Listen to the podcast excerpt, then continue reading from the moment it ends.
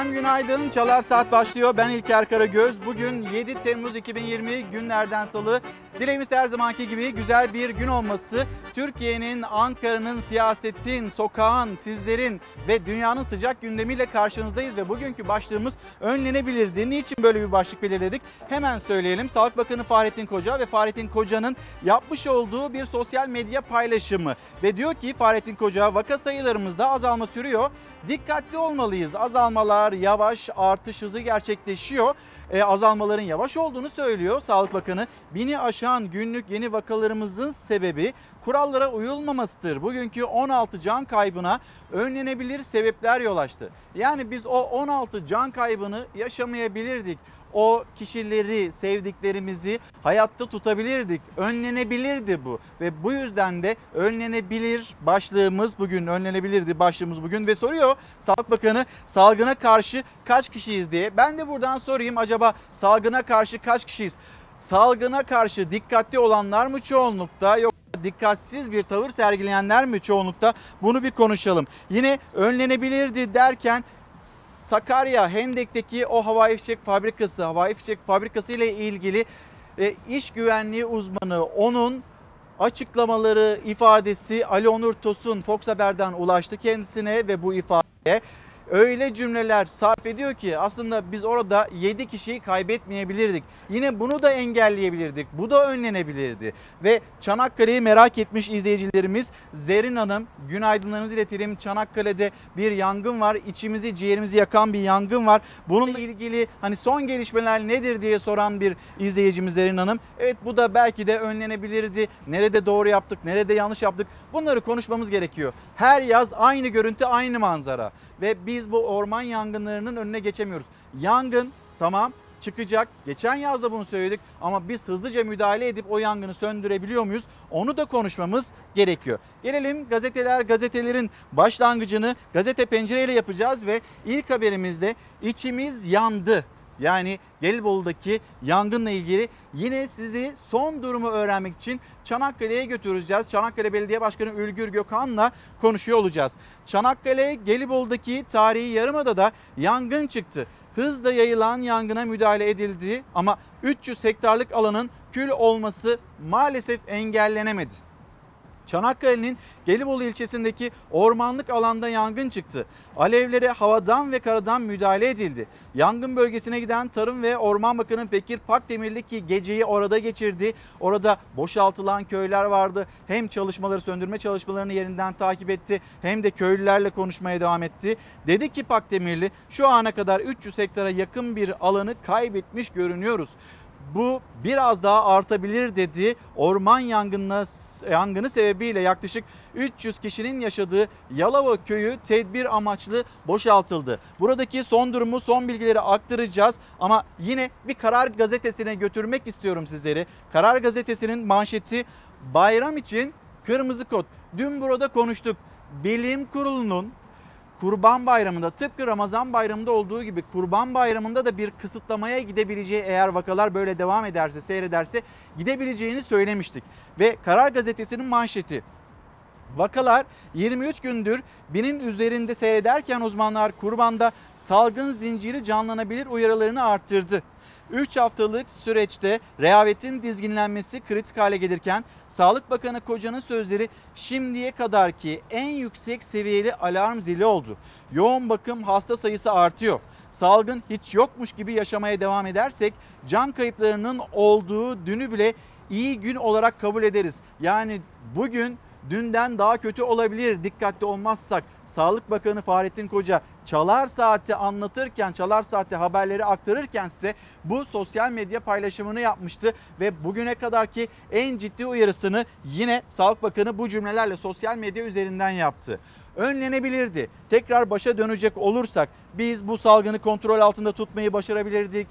Dün 16 can kaybı, öncesinde 19 can kaybı, her gün can kayıpları yaşıyoruz. Biz bu can kayıplarını yine engelleyebilirdik, önleyebilirdik ama başaramadık. Ve gelelim şimdi Çanakkale'ye. Çanakkale'ye gidelim. Çanakkale'de dün öğleden sonra 3 saat 3'lü gösterirken e, bu yangın çıktı ve sonrasında inanılmaz kuvvetli bir rüzgar çok büyük bir alana yayıldı. Söndürme çalışmaları, boşaltılan köyler ve gece boyunca neler yaşandı? Allah'ım yarabbim. Yardım Allah'ım yardım. Binlerce ağacımız ne yazık ki e, kül oldu. Dün saat 15'te başlayan yangın hala söndürülemedi. Şiddetli Poyraz söndürme çalışmalarını olumsuz etkiledi. Yangının tehdit ettiği köyler tedbir amaçlı boşaltıldı. Köylüler yanan zeytinliklerini, tarladaki mahsullerini gözyaşlarıyla izledi. Zeytinliklerimiz yandı. Çatır çatır. Yanan zeytinlikler falanlar sizin Hepsi yandı. Karşılarda ovamız hepsi olduğu gibi yandı. Hiçbir şeyimiz kalmadı. Dün öğle saatlerinde henüz nedeni bilinmeyen bir şekilde Çanakkale Gelibolu'da ormanlık alanda yangın çıktı. Gelibolu ilçesi Ilgardere ile Eceabat ilçesi Yalova köyleri arasındaki bölgede başladı yangın. Poyraz'la birlikte kısa sürede büyüdü, geniş alana yayıldı.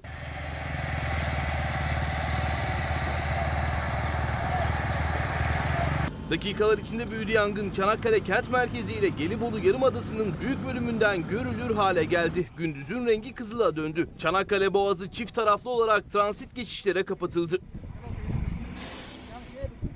Yangın haberiyle birlikte bölgeye ekipler sevk edildi. Ancak rüzgar yangına müdahaleyi zorlaştırdı. Ormanlık alanda başlayan yangın tarım alanlarına sıçradı. Zeytinlikler, başaklar ve ayçiçek tarlaları yandı. Yangının çıktığı bölgede Keçilli Ovası deriz. Oradaki e, buğday tarlaları komple. Komple yandı. 600 kök zeytinim yandı. Başka ne diyeyim? Geçim kaynakları ağaçları yanan köylüler yangını gözyaşlarıyla izledi. Alevler yerleşim yerlerini de tehdit etmeye başlayınca Yalova köyü ve Kumköy'de tahliye çalışmaları başladı.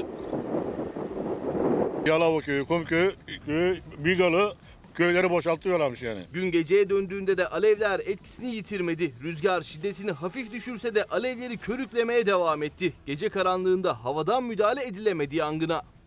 İHA'lardan faydalanıyoruz, termal dronlardan faydalanıyoruz. Geceleri hava araçları e, uçmadığı için bu bizim dezavantajımıza. Havadan müdahale yapılamayınca karadan ekipler canla başla yangını söndürmeye çalıştı. 500'e yakın kişi alevlere müdahale etti. Sabaha kadar mücadelemiz devam edecek. Gün ışıklarıyla havanın aydınlanmasıyla birlikte helikopterler havadan yangın söndürme araçları yeniden çalışmaya başladı. Biri indi biri havalandı. Yangın kontrol altına alınmaya çalışılıyor. Şu ana kadar yangında 300 hektarlık bir alanın kaybından söz ediliyor.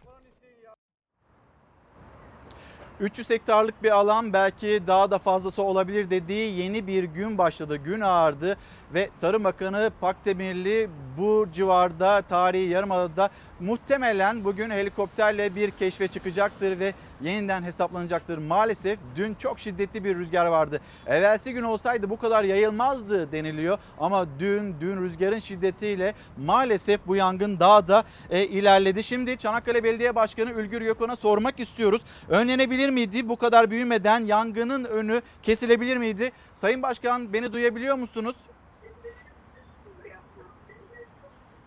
Evet duyuyorum. Alo. Ülgür Bey günaydın. Geçmiş olsun. Şimdi e, son durumu sizden öğrenmek istiyoruz. Boşaltılan köyler var. Ne kadarlık bir alanda yangının büyüdüğü ve şu anda son durumu ne olduğunu bilgisini alabilir miyiz? Tabii e, yangın e, şu anda kontrol altına alınma e, durumunda. Fakat tabii söndürme çalışması devam ediyor. Çünkü çok geniş bir alanda şey var, yayılma var. Tarım alanları da ciddi zarar gördü. Ormanlık alanlar da hakeza. Onun için sabah yeniden söndürme çalışmaları havadan da başladı. E, Şu anda kontrol altında ama rüzgar inşallah dünkü kadar olmazsa e, yayılması söz konusu olmaz diye düşünüyorum. Bugün nasıl hava? Bugün nasıl rüzgar? Şimdi sabahleyin iyi, fena değil. Nispeten iyi. Rüzgar, o dünkü şiddetli rüzgar yok. Ama ilerleyen saatlerde e, nasıl olur bilemiyoruz. Ama en azından şu anda kontrol altına alınmış durumda. Yani söndürme çalışması devam ediyor. Soğutma çalışmaları daha doğrusu. E, Onun için umarım yeni bir yerden başlamaz. Çünkü bu bir yerden bir yere sıçrayabiliyor bu tür yangınlar. Rüzgar etkisiyle. Onun için şu anda rüzgar yokken iyice bastırılırsa, soğutulursa bu kadarla e, atlatmış oluruz diye düşünüyorum. Siz gece boyunca hem yangını takip ettiniz bir yandan da öyle zannediyorum Tarım Bakanı'nın da yanındaydınız. Tarım Bakanı'yla e, aranızdaki geçen konuşmalar ya da bugün için alınabilecek yeni önlemler bunlarla ilgili bilgi var mı?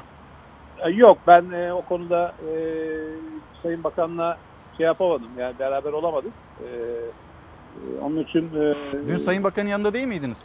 hayır ben değildim. Ben değildim. Gelibolu Belediye Başkanı'ydı. Bir bağlantıda yanlışlıkla benim adım yazıyor. Fotoğraf Gelibolu Belediye Başkanı. onun için ben Çanakkale Anladım. Belediye Başkanı olarak Peki yani o, o bölgede Şimdi biz seneler önce bölgesinde- maalesef- Evet. Anladım. Evet. Ee, şimdi seneler önce biz maalesef Kordon'dan yine tarihi Yarımada'daki bir yangını gözyaşlarıyla izlemiştik. Hiç unutmuyorum onu. Benzer bir evet. görüntüyle, tabloyla karşı karşıyayız ve şehitliklerin tam da başladığı bir bölgeden, Akbaş şehitliğine yakın bir bölgeden bahsediyoruz. Hani Evet. 1915 yılında sargı yeri olarak da adlandırılan bir mevki galiba değil mi burası? Evet, Biraz aynen. anlatır Tam- mısınız tam neresi? Tam e, Akbaş şehitliğinin oradan yani Milli Park'ın başladığı alandan e, başladı. E, Gelibolu tarafından. E, oradaki üç köy işte Yalova, Kumköy e, o bölgede e, Özgardere o bölgelerden başladı. Tabii bu alan aynı zamanda yoğun bir tarım alanı olan bölge. E, eski eski yangın e, 94'lerde olan yangın sadece orman alanını etkilemişti. Şimdi şeyi etkiledi tabii bütün e, tarım alanlarında. E, Dolayısıyla zaten anız kuru e, yerler hızlı bir biçimde e, yayıldı. E, ama e, en azından kontrol altına alınmış olmuş, alınabilmiş olması önemli. E, rüzgar hızlanmadan e, bu işin soğutulması ve tamamen söndürülmesi e, gerekiyor. Çalışma sürüyor yani helikopterler e, yine şey hatta Boğaz trafiğine henüz e, açılmadı diye biliyorum. Yani yoğun bir çalışma e, sürüyor. Evet dün söndürme çalışmaları nedeniyle Boğaz trafiği durdurulmuştu.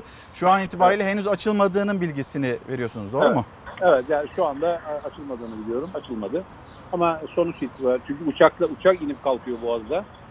E, sö- söndürme uçağı Boğaz'dan e, su alıyor. E, onun için kapatıldı. Bir de tabii şey var e, yangın denize yakın bir yerde şey yapıyor. E, gerçekleşiyor. Onun için her türlü tedbir alınmış durumda yani şu anda. 300 hektarı geçişin bir alanda yangın e, oldu. Dolayısıyla geniş bir alan olduğu için Sayın Başkan, Sayın Başkan tekrar geçmiş olsun diyeceğim ama olun. son sorumda önlenebilir miydi bu daha fazla büyümeden önlenebilir miydi bu yangın? O soruyu da sormuş olayım size.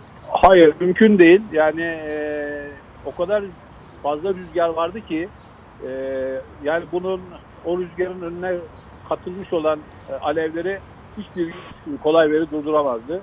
E, nitekim e, en büyük mücadele verildi. Onu açıkça söyleyeyim. Uçağıyla, helikopteriyle. Ama karadan da tabii. Ama dediğim gibi e, buğday anızları olması da hızlandırdı yangını. Çünkü o anızda çok hızlı hareket eder yangın. Dolayısıyla e, neyse ki e, rüzgar hafifledi ve e, gece kontrol altına alınabildi. Sayın Başkan çok teşekkür ediyoruz. Tekrar geçmiş olsun Çanakkale'ye ve ülkemize. Sağ olun, E. Ciğerlerimiz yandı. Orada Hepinize. büyük bir rüzgar ve o şid- rüzgarın şiddetiyle maalesef daha da yayıldı. 300 hektardan fazla bir alanın yanmış olduğu e, düşüncesi hakim. Uzmanlar yine bu bölgede yaşayanları uyarıyorlar ve dumanın etkisinden ke- kendilerini korumaları gerektiğini söylüyorlar. Kumköy, Yalova, Bigalı köylerini tehdit etti ve bu köylerin boşaltıldığını dün e, yine aktarmış olalım haberimize de paylaştık. Şimdi Karar Gazetesi, Karar Gazetesi ile yine devam edeceğiz. Gündemin sıcak konularına, başlıklarına bakacağız. Ve bir yandan da gözümüz kulağımız elbette Çanakkale'de olacak. Çanakkale'de şu saat itibariyle rüzgarın kaldığını biliyoruz. Yani çok fazla şiddetli bir rüzgar olmadığını, soğutma çalışmalarının da hızlı bir şekilde yapılması durumunda bu yangının tamamen kontrol altına alınmış ve söndürülmüş olabileceğinin de müjdesini yine Çalar Saat içinde vermek istiyoruz. Sizlerle paylaşmak istiyoruz. Şimdi Perdeyi kurtaracak yeni madde gelelim Türkiye'nin ve dünyanın sıcak konularından bir tanesi e, koronavirüs ve koronavirüsle ilgili bir başlık. Normalleşme kapsamında 1 Temmuz'da kapılarını açan özel tiyatrolar devlet desteklerinin yetersiz kaldığını belirtiyorlar. %50 kapasiteyle faaliyetin durumu daha da zora sokacağını kaydeden tiyatro kooperatifi bilette KDV'nin %1'e düşürülmesi çağrısında bulundu. Kurtuluş reçetesini 7 maddede özetleyen kooperatifin açıklamasında vergiler düşürülsün, devlet tiyatrolarının oyun bütçeleri özel tiyatrolara aktarılsın denildi. Vergiler, vergilerle ilgili bir düzenleme olur mu olmaz mı?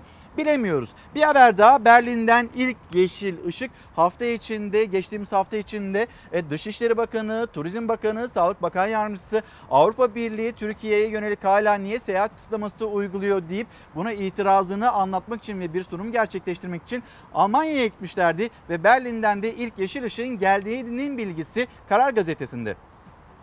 Avrupa Birliği'nin seyahat kısıtlaması uygulanmayacak ülkeler arasında Türkiye'ye yer vermemesi tepki çekmişti. 15 günde bir güncellenecek listeyi işaret eden Alman hükümetinin turizm sorumlusu Thomas Breis gereken şartların sağlanması durumunda Türkiye'ye seyahat uyarısının kısa sürede kaldırılabileceğini söylediği durum iyi olursa ki geçen hafta iyiydi oldukça hızlı bir şekilde açılım için hazırlık yapabiliriz. Yani kapılar Almanya açısından ya da Avrupa Birliği açısından Türkiye'ye açılabilir denilmekte. Fahrettin Koca'nın az önceki e, az önce cümlelerini sosyal medya üzerinden cümlelerini ve uyarılarını aktarmıştık.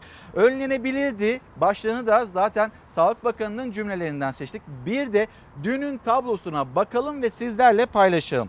Dünün vaka sayısı 1086. 16 kişi yaşamını yitirdi maalesef ve önlenebilirdi dediğimiz konuda bu zaten bu can kayıplarını önleyebilirdik ya da yoğun bakımdaki hasta sayısını aşağı çekebilirdik. Entübe hasta sayısını aşağı çekebilirdik.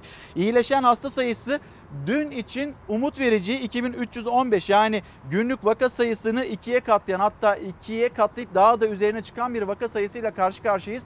Bu güzel bir durum ama yine inanılmaz bir e, dalgalanma var bu sayılarda ve bu dalgalanmanın önüne geçilmesi en azından çift taneler sıfır olmasa bile çift taneler seviyesine gelebiliyor olmamız gerektiğini aktarıp hemen bir dünün tablosu ve uyarılar.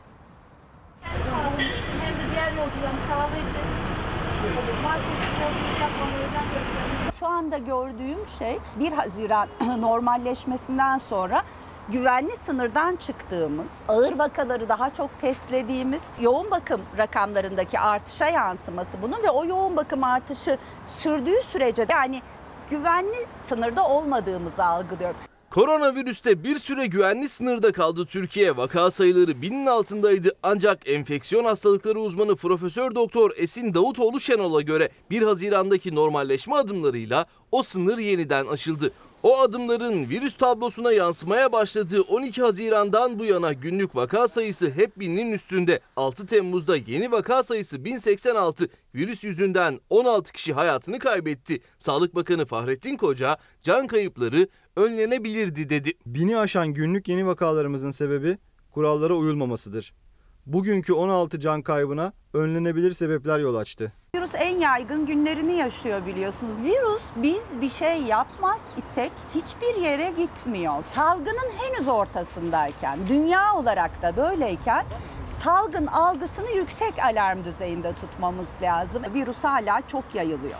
Dün Çalar Saat'te İlker Karagöz'ün konuğuydu Profesör Doktor Esin Davutoğlu Şenol. Virüste yüksek alarm düzeyinin devam ettiğini söyledi. Uzmanlara göre düğünlerdeki ya da asker uğurlamalarındaki görüntülerde endişeleri artırıyor. Çünkü süper bulaştırıcı denilen hasta olduğu halde belirti göstermeyen ve kalabalıklara karışanlar var. Bulaştıra bulaştıra dolaştılar. Onlar süper yayıcı olabilir. Onların kümeleştikleri yerleri çok iyi bulup çıkarmam lazım. O kişi süper bulaştırıcı düğüne gittiyse Facia. Filasyonun taramanın önemine bir kez daha dikkat çekti Profesör Şenol. Koronavirüs salgınında tek önlemin yeterli olmayacağının da altını çizdi. Maske tek başına yetmez. Maske hiç yoktan iyidir. Maske bir emniyet kemeridir. Ama nemlenirse, kötü kullanırsanız ve sosyal mesafe aşımı olan bir yerdeyseniz e, tek başına bir işe yaramaz. 6 Temmuz'da iyileşen hasta sayısı günlük vaka sayısının iki katından fazla oldu. Sağlık Bakanı Fahrettin Koca bir kez daha dikkatli olmalıyız diye uyardı. Vaka sayılarımızda azalma sürüyor. Dikkatli olmalıyız. Azalmalar yavaş, artış hızlı gerçekleşiyor.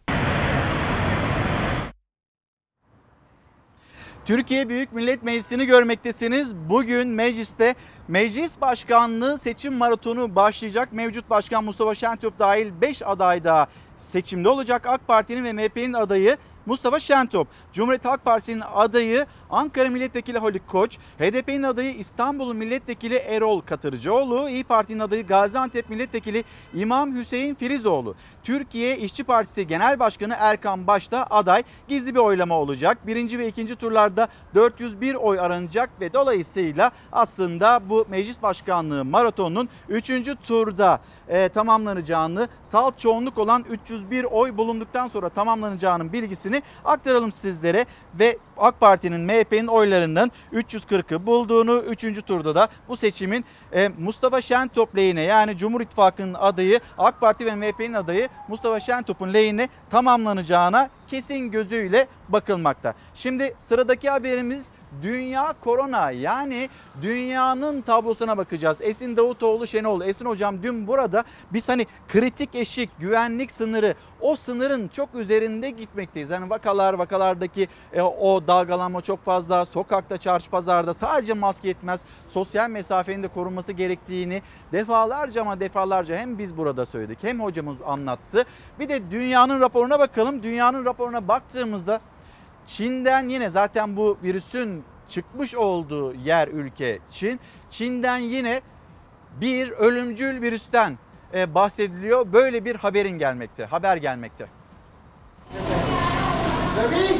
Normalleşme sonrası Hindistan'da vaka artışı rekor kırdı. İkinci dalga salgınının başındaki İsrail'de yeni önlemler gündeme geldi. Çin'de Covid-19'un ardından şimdi de kara veba ortaya çıktı.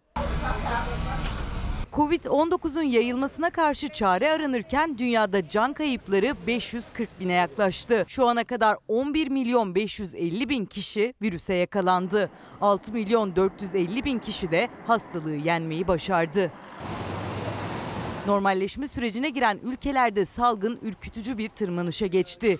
Dünyanın en kalabalık ikinci ülkesi Hindistan'da son 24 saatte vaka artışı yeni bir rekor kırdı. 24 binden fazla kişide virüs tespit edildi. 700 bine yakın kişinin hastalığa yakalanmasıyla Hindistan dünyanın en çok vaka görülen 3. ülkesi oldu.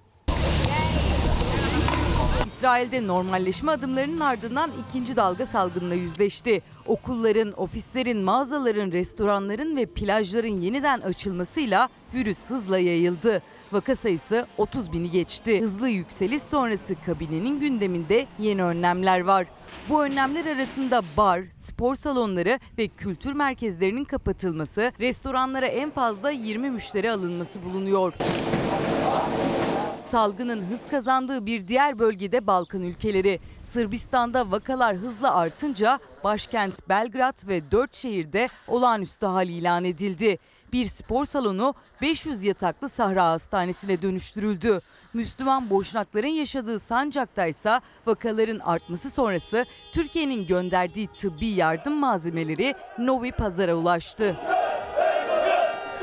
Kosova'da 1 Haziran'da hayatın normali dönmesinin ardından vakalar bir ayda 5 kat arttı. Artış üzerine akşam saatlerinde sokağa çıkma yasağı uygulaması devreye girdi. Çin Covid-19'un ardından yeni bir ölümcül hastalık tehlikesiyle karşı karşıya. Ülkeye bağlı İç Moğolistan'da bir çoban kara veba belirtileriyle hastaneye gitti. Çoban hemen karantinaya alındı. Salgına karşı alarm seviyesi yükseltildi. Yabani hayvanların avlanması yasaklandı. Az önce meclis başkanlığı yaşından bahsettik. Bir de hani erken seçim olacak mı olmayacak mı siyasetin kulislerinde çokça konuşulan konulardan bir tanesi. Hatta Meral Akşener e, AK Parti'nin Cumhurbaşkanı'nın masasında bir erken seçim olduğu yönünde bilgi ya da kulisi paylaştı ya da düşüncesini aktardı. Ondan sonra yine gözler erken seçim olacak mı olmayacak mı bu konuya dönerken Türkiye'de bu yarışa dahil olmak isteyen, Cumhurbaşkanlığı yarışında var olmak isteyen ilk isim, ilk Cumhurbaşkanı adayının belli olduğunu söyleyeyim. Doktor Serdar Savaş aday olduğunu, Cumhurbaşkanlığı yarışında kendisinin de var olacağını söyledi ve bu bilgiyi paylaştı. Şimdi sıradaki haberimiz bir zam haberi. Dolar kurundaki değişiklik tüketiciye yine zam olarak yansıdı. Motorine zam geldi. Bu da bize ekstra bir masraf ve yakıtın yükselmesi çok kötü bir şey. Şu an çalışmıyorum. Gider çoğalıyor, gelir yok. Türkiye'nin de içinde bulunduğu Akdeniz petrol piyasasında işlenmiş ürün fiyatlarının ortalaması yükseldi. Bu yükselişle birlikte dolar kurundaki değişiklikler de hesaplanınca motorinin litre fiyatına bu geceden itibaren geçerli olmak üzere 10 kuruş zam yapıldı. Biz de şaşırdık artık her gün bir iniyor bir kalkıyor.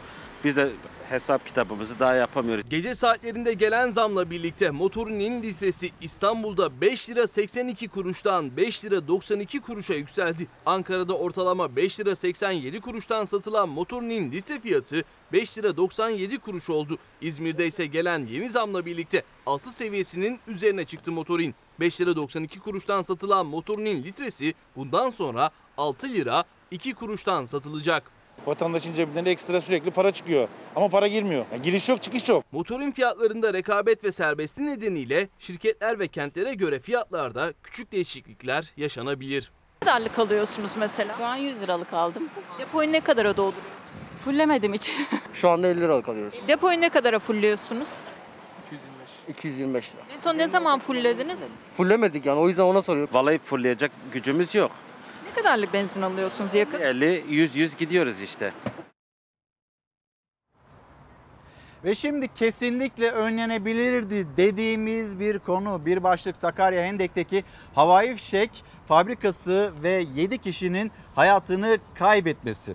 Vicdanın zerresi yok ve bu manşette gazete Pencere'nin manşeti havai fişek fabrikasının bozuk sicili sadece iş güvenliği ile ilgili değil, fabrika sahiplerinin önceki patlamalarda ölen işçilerin ailelerine yaklaşımında da parlak bir sicil yok denilmekte. Büyük Coşkunlar Fabrikası 11 yılda 7 kez patladı. Hani bir fotoğraf çıkmıştı ortaya. Bir işte müsiyat, müsiyada bağlı isimler e, orada işçilerle ilgili işçilerle ilgili toplandıklarını söylemişlerdi patlamanın olduğu gün. Ama patrona moral yemeği olduğu da yine söylenmişti ve sosyal medyada çok konuşulmuştu. Herkes bu fotoğrafı konuştu. Ama belki de fotoğrafın büyüğüne baktığımızda sürekli ama sürekli patlamaların meydana geldiği, can kayıplarının meydana geldiği bir fabrika ile karşı karşıyaydı Türkiye.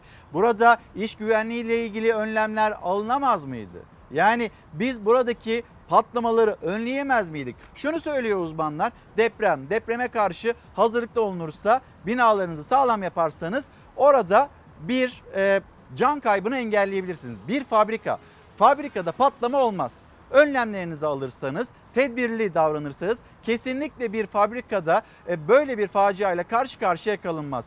Eğer bu durum varsa, yaşanıyorsa patlama e o zaman bir tedbirsizlik var, bir yanlışlık var, bir yerde yanlış yapılmış. Bunu söylemek gerekiyor. Bir yerde yanlışlık yapılmış ve bununla ilgili bir soruşturmanın da başladığını hatırlatalım.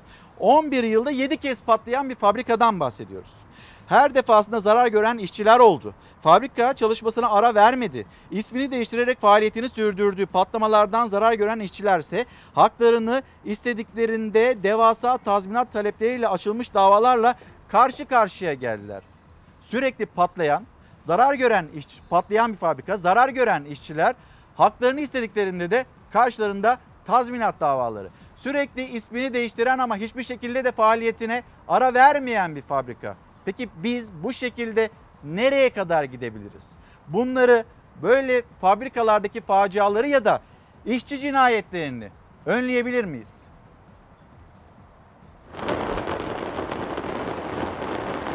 Burada meydana gelen patlamanın herhangi bir şekilde dışarıdan bir müdahale veya saldırı veya sabotaj sonucu meydana gelmediğini tespit etmiş oldular.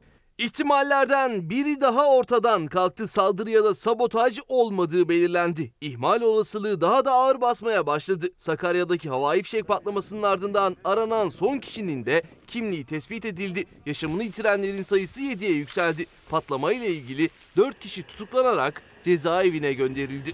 Bütün ihtimaller değerlendiriliyor. Cuma günü Sakarya Hendek'teki havai fişek fabrikasında yaşandı facia. Günlerdir bir işçi aranıyordu. Dördüncü günün sonunda DNA örneğine ulaşıldı. Sahadan elde edilen numuneler var. Onlar da adli tıpa gönderildi. İstanbul Adli Tıpa gönderildi. Orada e, gerekli DNA çalışması yapılacak. Oradan gelecek sonucu bugün itibariyle bekliyoruz. O sonuç geldi. Yaşamını yitiren son işçinin de 42 yaşındaki Ramazan Kor olduğu belirlendi. Mümin ve muvahhid olduğuna şehadetlik eder misiniz? Faciada hayatını kaybeden iki işçi de son yolculuğuna uğurlandı. Onlardan biri 26 yaşındaki Halis Yılmaz'dı. Hasta olan iki kız kardeşine bakabilmek, tedavi masraflarını çıkarabilmek için canla başla çalışıyordu Yılmaz. Türk bayrağına sarılı tabutuyla Sakarya'nın Erenler ilçesinde sonsuzluğa uğurlandı. Toprağa verilen bir diğer işçi ise 56 yaşındaki Muhammed Seyfi Çanakçı'ydı. Üç çocuk babası Çanakçı'nın cenaze töreni de Gevye'deydi. Üçüncü günün akşamında gözaltına alınan iş güvenliği uzmanıyla birlikte soruşturmada gözaltı sayısı dörde yükseldi. Fabrika müdürü ve iki ustabaşı adliyeye sevk edildi. Hendek Sulh Ceza Hakimliği'nde mahkemeye çıkarıldı dört zanlı. Dördü de taksirle birden fazla kişinin ölümüne ve yaralanmasına neden olma suçundan tutuklandı. Aynı zamanda MÜSİAD'ın Sakarya Şube Başkanı olan fabrika sahibi Yaşar Coşkunsa henüz soruşturmaya dahil edilmedi. Her seferinde bu son olsun diyoruz olmuyor. İnsanlar hayatını kaybediyor. Ülkemizde yakın dönemde Soma, Ermenek ve Siirt'te maden faciaları yaşandı. Traktör römorklarında tarlalara taşınan tarım işçileri kazalara kurban gitti. Canımızı yakan, yuvaları yıkan çocukları yetim bırakan bu kazaların maalesef sonrasında hep biz e, üzüntüyle karşıladığımızı söyledik. Ama bunları engelleyebilmek adına ne yaptık? İş kazaları yaşanmasın demekten başka ne yapabiliyoruz? Her seferinde bu olsun, bu son olsun diyoruz ama maalesef son olmuyor. Artık yetkilileri uyarmak, sorumluları kınamak, ölenlere rahmet, geride kalanlara başsağlığı dilemek istemiyoruz. Türk, İş Başkanı Ergün Atalay e, Anadolu Ajansı'na bu açıklamayı yaptı. Sakarya Hendek'teki bu havai fişek e, fabrikasındaki patlamadan sonra bu son olsun diyoruz ama hiçbir şekilde de son olmuyor. Şimdi efendim bir mola vereceğiz. Reklamlara gideceğiz. Döndüğümüzde yine sıcak gündemle ilgili haberlerimiz var. Onları aktaracağız. Ekonomiye bakacağız ama aynı zamanda Cumhuriyet Halk Partisi Grup Başkan Vekili Özgür Özel. Özgür Özel'le birlikte gündemin öne çıkan konularını, başlıklarını da değerlendiriyor olacağız. Bir mola verelim. Hemen burada buluşalım.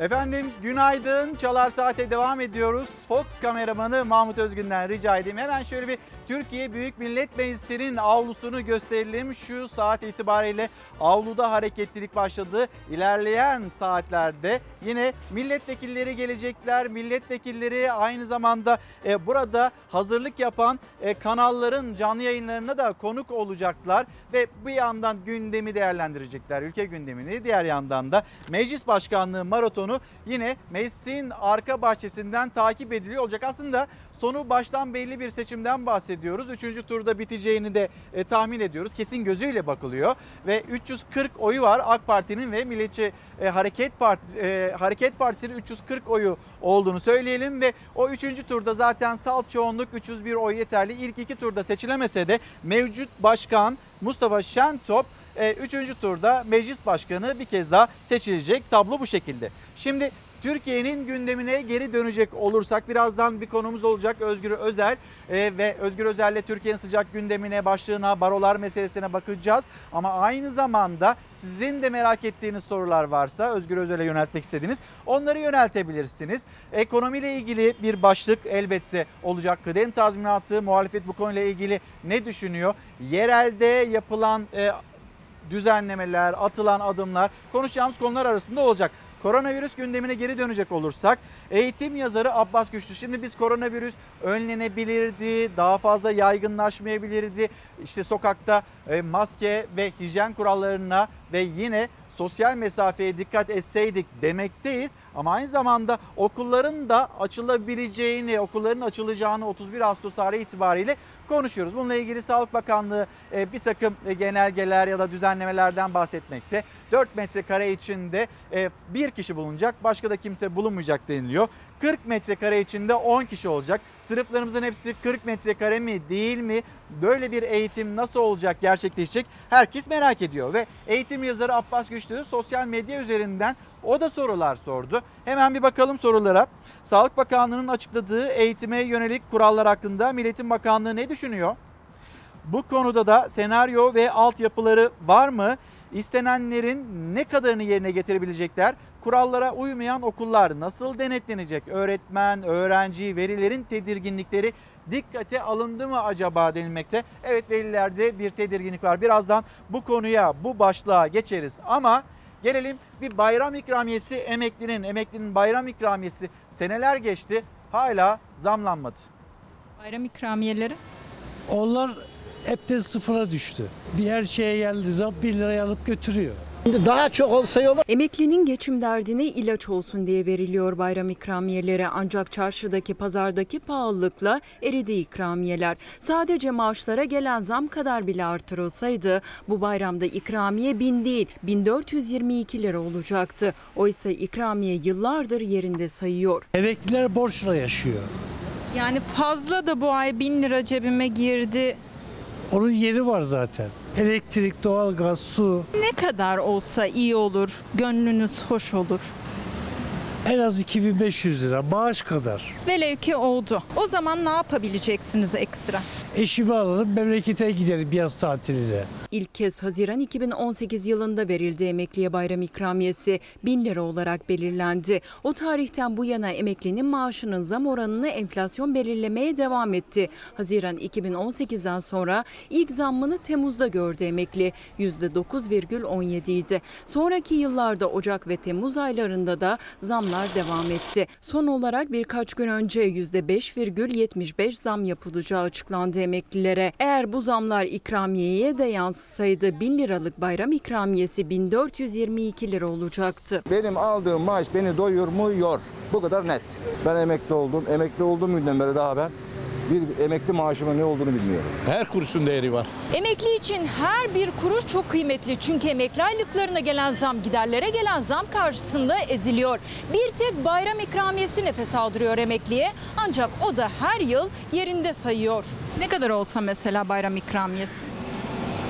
Ya şimdi şeyin sınırı yok. 1500 olsa iyi olur. Vallahi biraz e, enflasyona göre artırırlarsa iyi olur. 1500 olsa iyi olur. Emekli de enflasyon farkından fazlasını istemiyor zaten. 1500 lira civarında emekli ikramiyesi hayal ediyorlar. Diske bağlı emekli sene göre ise bayram ikramiyeleri en az asgari ücret kadar olmalı. Bayram öncesi bize reva görülen zam %5.75. Aldığımız zamla geçinemiyoruz.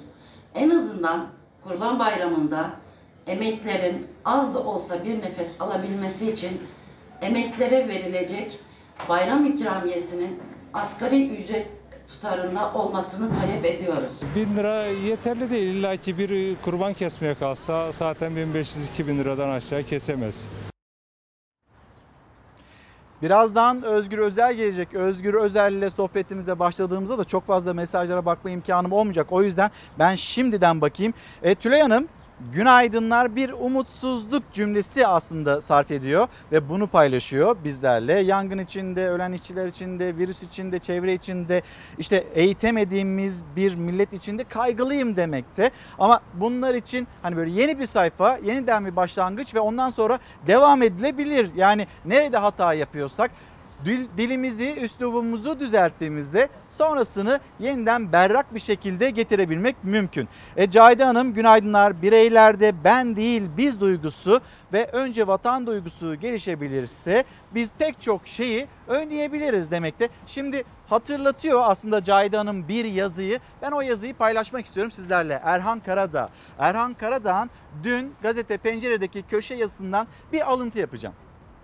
Diyor ki yeni normal lisan, üslupsuzluk toplumun genelinde tahammülsüzlük olarak kendisini göstermeye başladı. Yani bir üslup problemimiz var, bir tahammülsüzlük problemimiz var ve buna detaylı bir şekilde dikkat çekmekte, büyüteci bu yöne çevirmekte Erhan Karada. Uygun dile, dikkatli üsluba, adil bir lisana kıymet veren yok memlekette.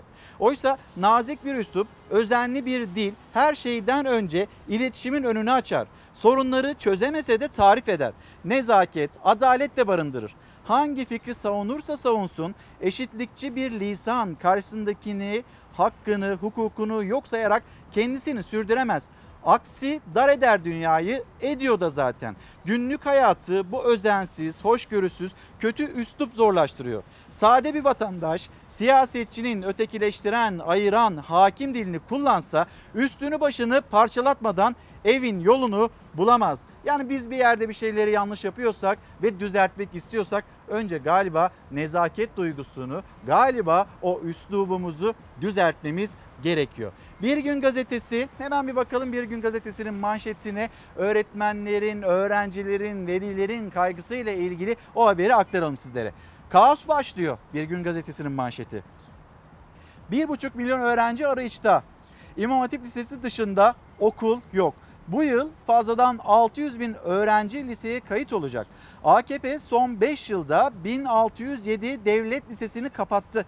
Öğrenciler sayısı iki katına çıkan İmam Hatip liselerine mecbur bırakılıyor demekte bir gün gazetesi ve kaos başlıyor gazetenin manşeti. Bir haber daha aktaralım bir gün gazetesinden o haberde tek dertleri baskıyla koltuğu sağlamlaştırmak. İktidar salgına rağmen kendi bekası için çalıştı. 36 günde barodan bekçi düzenlemesine bir dizi baskı yasasına imza attı. Tüm dünya salgınla sarsılan yurttaşlar için mücadele ederken iktidar kendi koltuğunu sağlamlaştırmak için çalıştı. Ekonomik sorunlarla boğuşan yurttaşa çözüm bulmak yerine toplumun tüm kesimlerini etkileyecek baskıcı düzenlemeleri hayata geçirmekle meşgul oldu. Tek dertleri baskıyla koltuğu sağlamlaştırmakta. Bir gün gazetesinin ilk sayfasındaki yer alan haberdi. Peki Bir Gün gazetesinde böyle bir değerlendirme yapılıyor. Doçent doktor Oğuz Demir yani siyaset, siyasetin düşündüğü, sadece düşündüğü koltuk denilirken bir ekonomist, bir iktisatçı sosyal medya üzerinden bakın neyi ön plana çıkarmamız gerektiğini hatırlatıyor. Baroları, sosyal medyayı ve şimdiden ne zaman olacağı belli olmayan seçimleri konuşmak yerine medyada siyasette bu konuyla meşgul olmalı. Bu konu dediği işsizlik konusu. 17 Ağustos ve sonrasında maalesef istihdamda deprem geliyor. Bu sorun öyle kredi açarak ya da kredileri saçarak çözülecek bir sorun değil ve karşı karşıya kalabileceğimiz durumu, tabloyu bir deprem olarak anlatıyor ya da anlamlandırmaya çalışıyor. Süreci de takip ediyor. Doçent Doktor Oğuz Demir deprem olarak anlatıyor. Şimdi e, ayın 10'unda eskiden biliyorsunuz 15'indeydi 10'una çekildi ayın 10'unda biz işsizlik rakamlarıyla karşılaşacağız Cuma günü. Ama bir sonraki ayda 17 Ağustos, Ağustos ve sonrasında biliyorsunuz hani işten çıkarmalar yasak. İşten çıkarmaların yasaklanması ortadan kalktığında Türkiye'nin bir depremle, işsizlikte bir depremle karşı karşıya kalabileceğine dikkat çekiyor. Siyaset onu konuşuyor ama bunu konuşması gerektiğini söylüyor doçent doktor Oğuz Demir. Ve gelelim veriler, verilerin gündemindeki o sıcak konu başlık. Öğrenciler okula nasıl gidecek? Alerjik astımı var. Kronik hasta. Vallahi ben açılmasını istemiyorum. Çünkü bu anaokuluna gidecek. Bu 8'e gidecek. Çocuklarımdan endişeleniyorum. O yüzden göndermeyi de düşünmüyorum. Anneler, babalar hatta büyük anneler ve büyük babalar korkuyor. Yeni eğitim öğretim yılında okullar açılırsa çocuklar kendilerini virüsten nasıl korur bilmiyorlar. O korkuya karşılık uzmanlardan da yeni bir öneri geldi. 4 güne 3 gün dersiniz mesela. Bu virüs bulaştıktan sonra en çok 4 gün bulaştırır. Ve en çok e, hastanın bulaştırıcı olma potansiyelinin olduğu dördüncü günde test pozitif çıkar. Okulumuzda 40'ar kişilik sınıflar en az. 4 gün 40 çocuk giderse bir şey değişmez, fark etmez.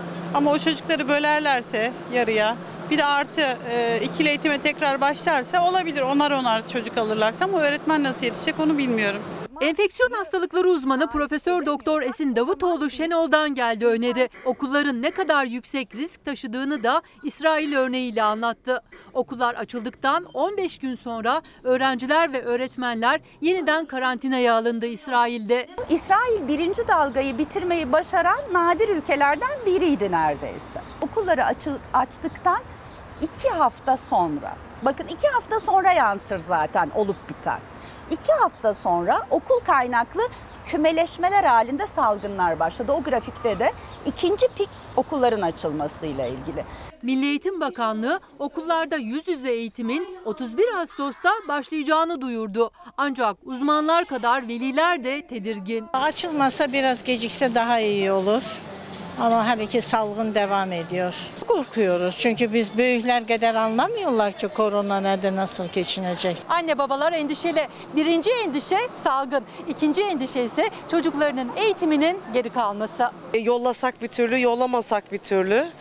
E, Gönlümüz tabii ki çok geri kalıyorlar ama öbür türlü de e, yollayınca da aklımız kalıyor. En çok da çocuğunda kronik hastalık olanlar ya da çalıştığı için çocuğunu büyük annesine, dedesine bırakmak zorunda kalanlar endişeli. Anneanneye gidecekler.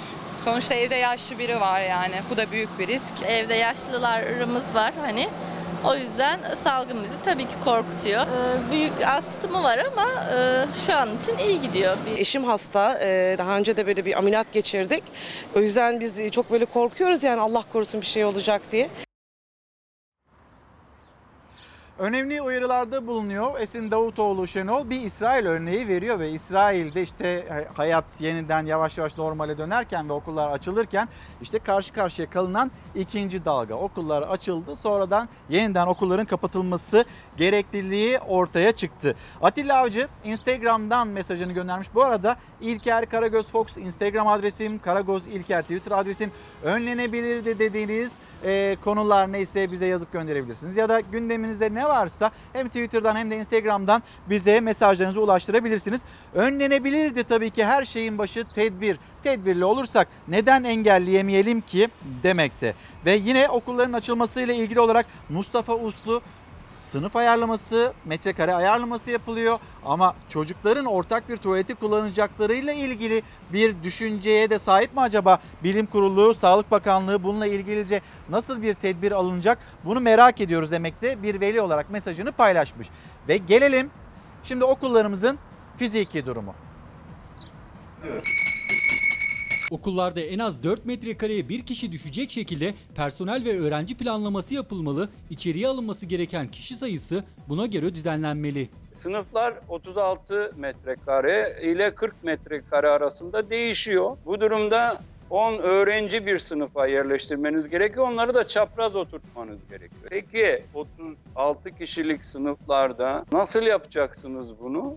Bu mümkün mü? İşte bu soruya yanıt arıyor eğitim camiası bir taraftan da tartışıyor. Çünkü milyonlarca öğrenci sağlıkçıların virüsün en yaygın günlerini yaşıyoruz uyarısının gölgesinde ilk ders dili için geri sayıma geçerken Sağlık Bakanlığı sosyal mesafeyi korumak için 4 metrekareye bir kişi düşecek şekilde düzenleme istedi. Sağlık Bakanlığı'nın açıkladığı rehbere göre öğrencilerin hem kendi hem de öğretmenleriyle arasında 1 metrelik sosyal mesafe olacak. Bunun içinse tam 4 metre kareye bir öğrencinin düşmesi gerekiyor. Bunu sağlayabilmek içinse öğrenciler işte bu şekilde çapraz oturacak. Bu kılavuzun uygulanma koşulları yok Türkiye okullarında. Aslında Sağlık Bakanlığı bu kılavuzu yayımlayarak Milli Eğitim Bakanlığı'na siz okulları açmayın diyor, açamazsınız diyor. Çünkü bu koşulları yerine getirmesi mümkün değil. 15 Ağustos'ta özel okullarda, 31 Ağustos'ta ise devlet okullarında başlayacak maskeli ve mesafeli eğitim. Ama nasıl? Okulların, sınıfların fiziki koşulları yeni ölçüm kriterleriyle açılmaya ne kadar hazır? Eğitimciler bir kez daha okullar açılmamalı diyerek ses yükseltti. Sağlık Bakanlığı'nın açıklamış olduğu ölçümlere göre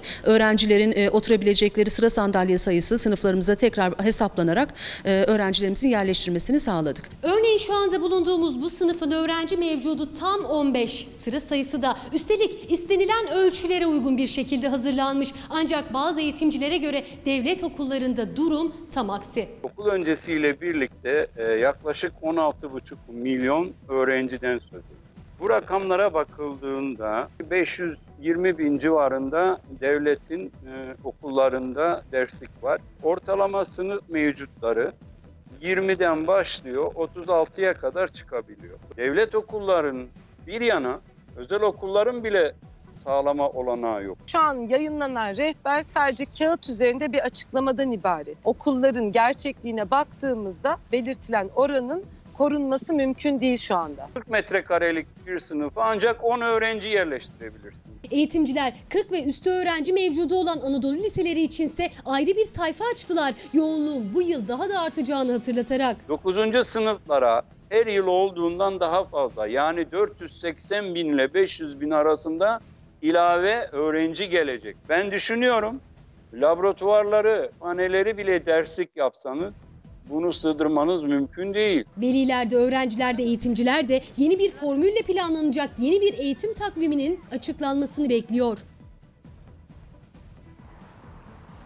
Çocuklarımızın sosyal mesafeye nasıl dikkat edeceği ya da ne nasıl dikkat edebileceği aslında herkesin sorduğu soru bu. Acaba biraz daha uzaktan eğitim devam etse işte sabahçı, öğleci nasıl bir formül bulunacak? Yine Sağlık Bakanlığı tarafından, Bilim Kurulu tarafından, veliler tarafından da kuşkusuz merak ediliyor. Gülay Göktuman da ya çocuklar sosyal mesafeye nasıl dikkat etsin demekte. Ya benim ikinci sınıfa gidecek bir oğlum var. Yani Can arkadaşlarını gördüğünde o sosyal mesafeyi ne kadar koruyabilir? Ya da o yaş dilimindeki çocuklar sosyal mesafeyi korumakta ne kadar titiz davranabilir? Aman diyecek uzay, zaman, mekan e, bilgisi zihninde ne kadar gelişmiş ki 4 metrekareyi zihninde canlandıracak da bu 4 metrekare içinde sadece kendisinin olması gerektiğini düşünecek ya da değerlendirecek. Herkes bununla ilgili kaygılarını iletiyor. Tabii daha önümüzde uzun bir süreç var. 31 Ağustos'a kadar hangi adımlar atılır ya da vaka sayılarında ne kadar bir e, gevşeme ya da azalma olur. Bunu da gözlemliyor olacağız. Sonrasında dünyadaki örneklere de bakacağız. Bu arada Harvard Üniversitesi e, uzaktan eğitime devam edeceğini açıkladı ama fiyatlarını da değiştirmeyeceğini, fiyatların aynı kalacağını da bütün dünyaya ilan etti. Mardin'den çok sayıda mesaj geliyor, çiftçilerimizden mesaj geliyor. Kendilerinin bir elektrik problemi olduğunu ve bu elektrik probleminin de henüz çözülmediğini ve bununla ilgili bir adım atılmadığı Instagram'dan da Twitter'dan da gönderiyorlar. Mer ve Mersin'den, e, Mers düzeltiyorum Mardin'den e, arkadaşlarımız. Sözcü gazetesi, Sözcü gazetesi ve aslında Cumhuriyet gazetesinin manşeti aynı konu. Yaverleri tahliye ve Sözcü gazetesindeki manşette. Bu tahliye akıllara sözcü davasını getirdi. Erdoğan'ın yerini bildiren 3 yaverde serbest kaldı. Yaverlerin yer bildirme toplantısının dosyalarda yer almasına rağmen başka bir davada muhabirimize yer bildirme iddiasıyla boşu boşuna ceza verilmişti. FETÖ'cü hainlerin 15 Temmuz 2016'daki kalkışma sırasında Cumhurbaşkanı Erdoğan'ın yaveri olan ve darbeye teşebbüsten yargılanan 3 eski yarbay için tahliye kararı verildi. Bu yaverlerin 20 yıl hapsi isteniyordu. Mütalada ise yaverlerin, yaverlerin Cumhurbaşkanı Erdoğan'ın yerini suikast tipine bildirdiği belirtilmişti. Buna rağmen Sözcü muhabiri Gökmen Ulu yer bildirme yapmadığı halde bir haberi yüzünden bu iddiayla yargılandı ve ceza aldı. Asuman Aranca'nın Sözcü gazetesinden haberi. Bir bilgi, bir haber daha paylaşalım Sözcü gazetesinden. Rüşveti kimler aldı? İyi Partili Doktor Aytun Çıray iktidardan bu sorunun yanıtını istedi. Çıray, Amerika Birleşik Devletleri'nden bir ilaç şirketinin Türkiye ve Rusya'da rüşvet verdiği için Amerika'da 21 milyon dolar cezaya mahkum edildiğini açıkladı. Bu skandalı meclise de taşıdı ve sorusu şu, sorusu şu rüşveti kimler aldı? Aytun Çıray bununla ilgili bir yanıt bekliyor. Barolar pes etmiyor, pes etmeyeceklerini söylemekteler. Yine Sözcü gazetesinde yer alan haber. Siyasetin sıcak başlığı barolar ama sokağın sıcak başlığına baktığımızda ekonominin ön plana çıktığını hep birlikte görüyoruz. Şimdi bir diğer önemli konu, bir diğer başlık önlenebilirdi dediğimiz bir durumdu bu. Sakarya Hendek'teki o havai fişek fabrikasındaki patlama 7 kişi hayatını yitirmeyebilirdi.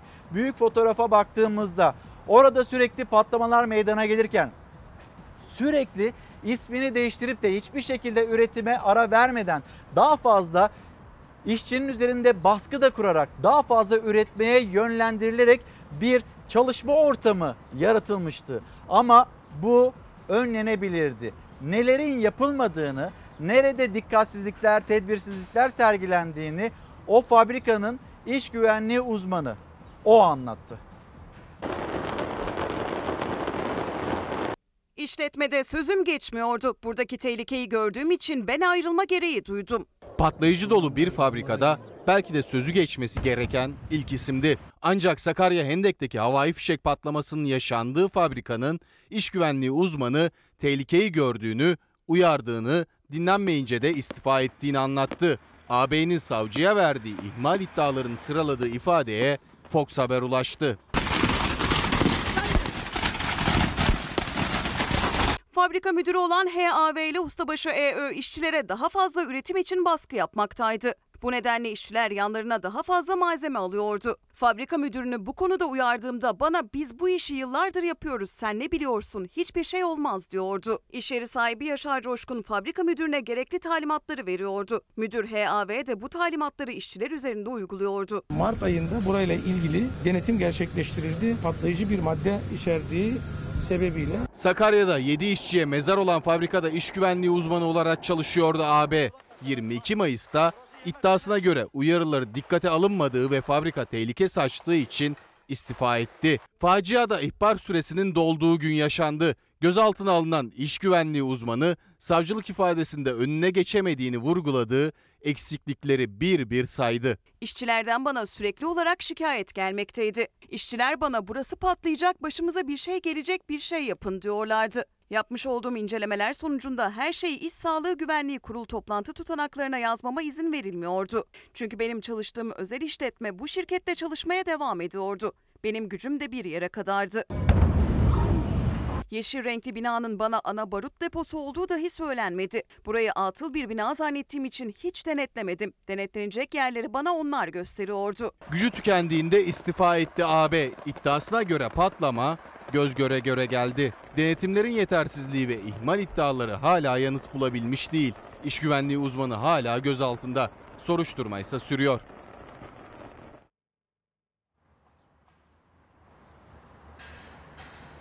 Efendim şimdi devam ediyoruz yayınımıza. Cumhuriyet Halk Partisi Grup Başkan Vekili Özgür Özel kendisiyle konuşacağımızı söylemiştik. Misafirimiz geldi. Özgür Bey günaydın. Günaydın. Hoş geldiniz. Ankara'da hava sıcak. Türkiye'nin pek çok yerinde aynı tablo mevsim itibariyle. E, siyasi siyasetin gündemi de sıcak. Siyasetin bir numaralı en sıcak gündeminde şu anda barolar meselesi. Bununla ilgili son gelişmeleri bir izleyicilerimize aktaralım. Sonrasında soralım baroların hani çoklu baro niçin sakıncalı olur? Muhalefet niye buna ses yükseltiyor? Perşembe günü meclise gelmesi bekleniyor. Meclisteki bu yolculuğu nasıl olacak? Onu size sormak istiyoruz. Şimdi barolar meselesi çoklu baro ile ilgili Adalet Komisyonu'ndan çıkan düzenleme. Barolar FETÖ'nün hedefiydi. Yargı FETÖ'nün hedefiydi. Onların silahla yapamadığını siz parmaklarla yapmak istiyorsunuz.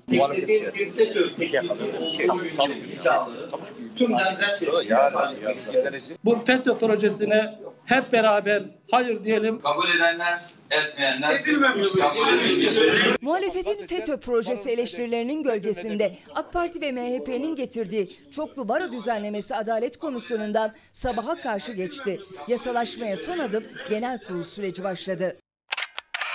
Cumhur İttifakı'nın milletvekilleri geceyi komisyon hatırası pozuyla noktalarken içeriye çağrılmak için 4 gün 4 gece meclis kapısını nöbet tutan baro başkanları ise üzerinde sabahladıkları banklarla hatıra fotoğrafı çektirdiler. Vazgeçmek yok diyerek başkentten ayrıldılar. Vazgeçmek yok. Hiçbir şey bitmedi. Her şey yeni başlıyor. Vazgeçmeyeceğiz. Adalet Komisyonu'nda 28 maddelik çoklu baro teklifi görüşmelerinde hararet son dakikaya kadar hiç düşmedi. Muhalefet her maddede itiraz sesini yükseltti. Sizin partiniz bölünüyor diye istiyorsunuz ki her şey bölünsün. İstiyorsunuz ki barolarda bölünsün. Süngüyle her şeyi yapabilirsiniz ama süngünün üzerinde oturamazsınız. Bu tür baskıcı uygulamaların demokratik tepkiyle tarihin sayfaları arasında kaldığını gördük. Muhalefetin itiraz sesine karşı sessiz kaldı AK Parti ve MHP kanadı. Ama CHP ve İyi Parti'den gelen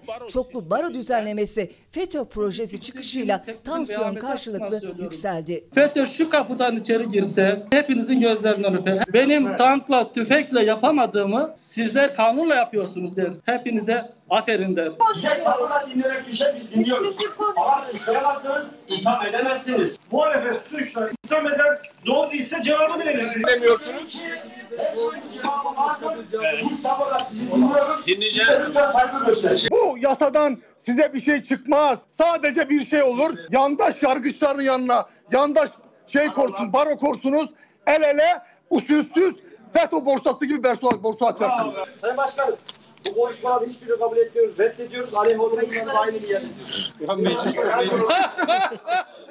Muhalefetin tüm değişiklik önerileri komisyonda reddedilerek tartışmaların ve itirazların gölgesinde baro düzenlemesi komisyona geldiği haliyle AK Parti ve MHP oylarıyla geçti. hayırlar getirmesini e, umuyoruz. Başka bir arka planı kesinlikle söz konusu değildir. Bu anayasaya aykırı düzenleme en kötü anayasa mahkemesinden geri dönmesi gereken bir düzenleme. Düzenleme Genel Kurul'dan da bu haliyle geçerse avukat sayısı 5000'den fazla olan illerde en az 2000 avukatın imzasıyla birden fazla baro kurulabilecek. Alevi baro, Sünni baro ayrımını istiyor. Yani sağcı baro, solcu baro, AK Partili baro, CHP'li baro kurulmasını istiyor. Burhan Kuzu hukuku dayatılıyor bütün Türkiye'ye. AKP diyor ki bizim barolarımız yok. Kendimize bağlı barolar oluşturmak istiyoruz diyor. Avukatların cübbelerine düğme diktirip ilik açtıracaklar. Adaleti tamamen sarayın vesayeti altına alacaklar. FETÖ'nün kendisi okyanus ötesinde ama fikirleri iktidarda. Çoklu baro düzenlemesinin perşembe günü genel kurula gelmesi bekleniyor. Barolar çoklu baro düzenlemesine karşı çıktıklarını açıkladılar.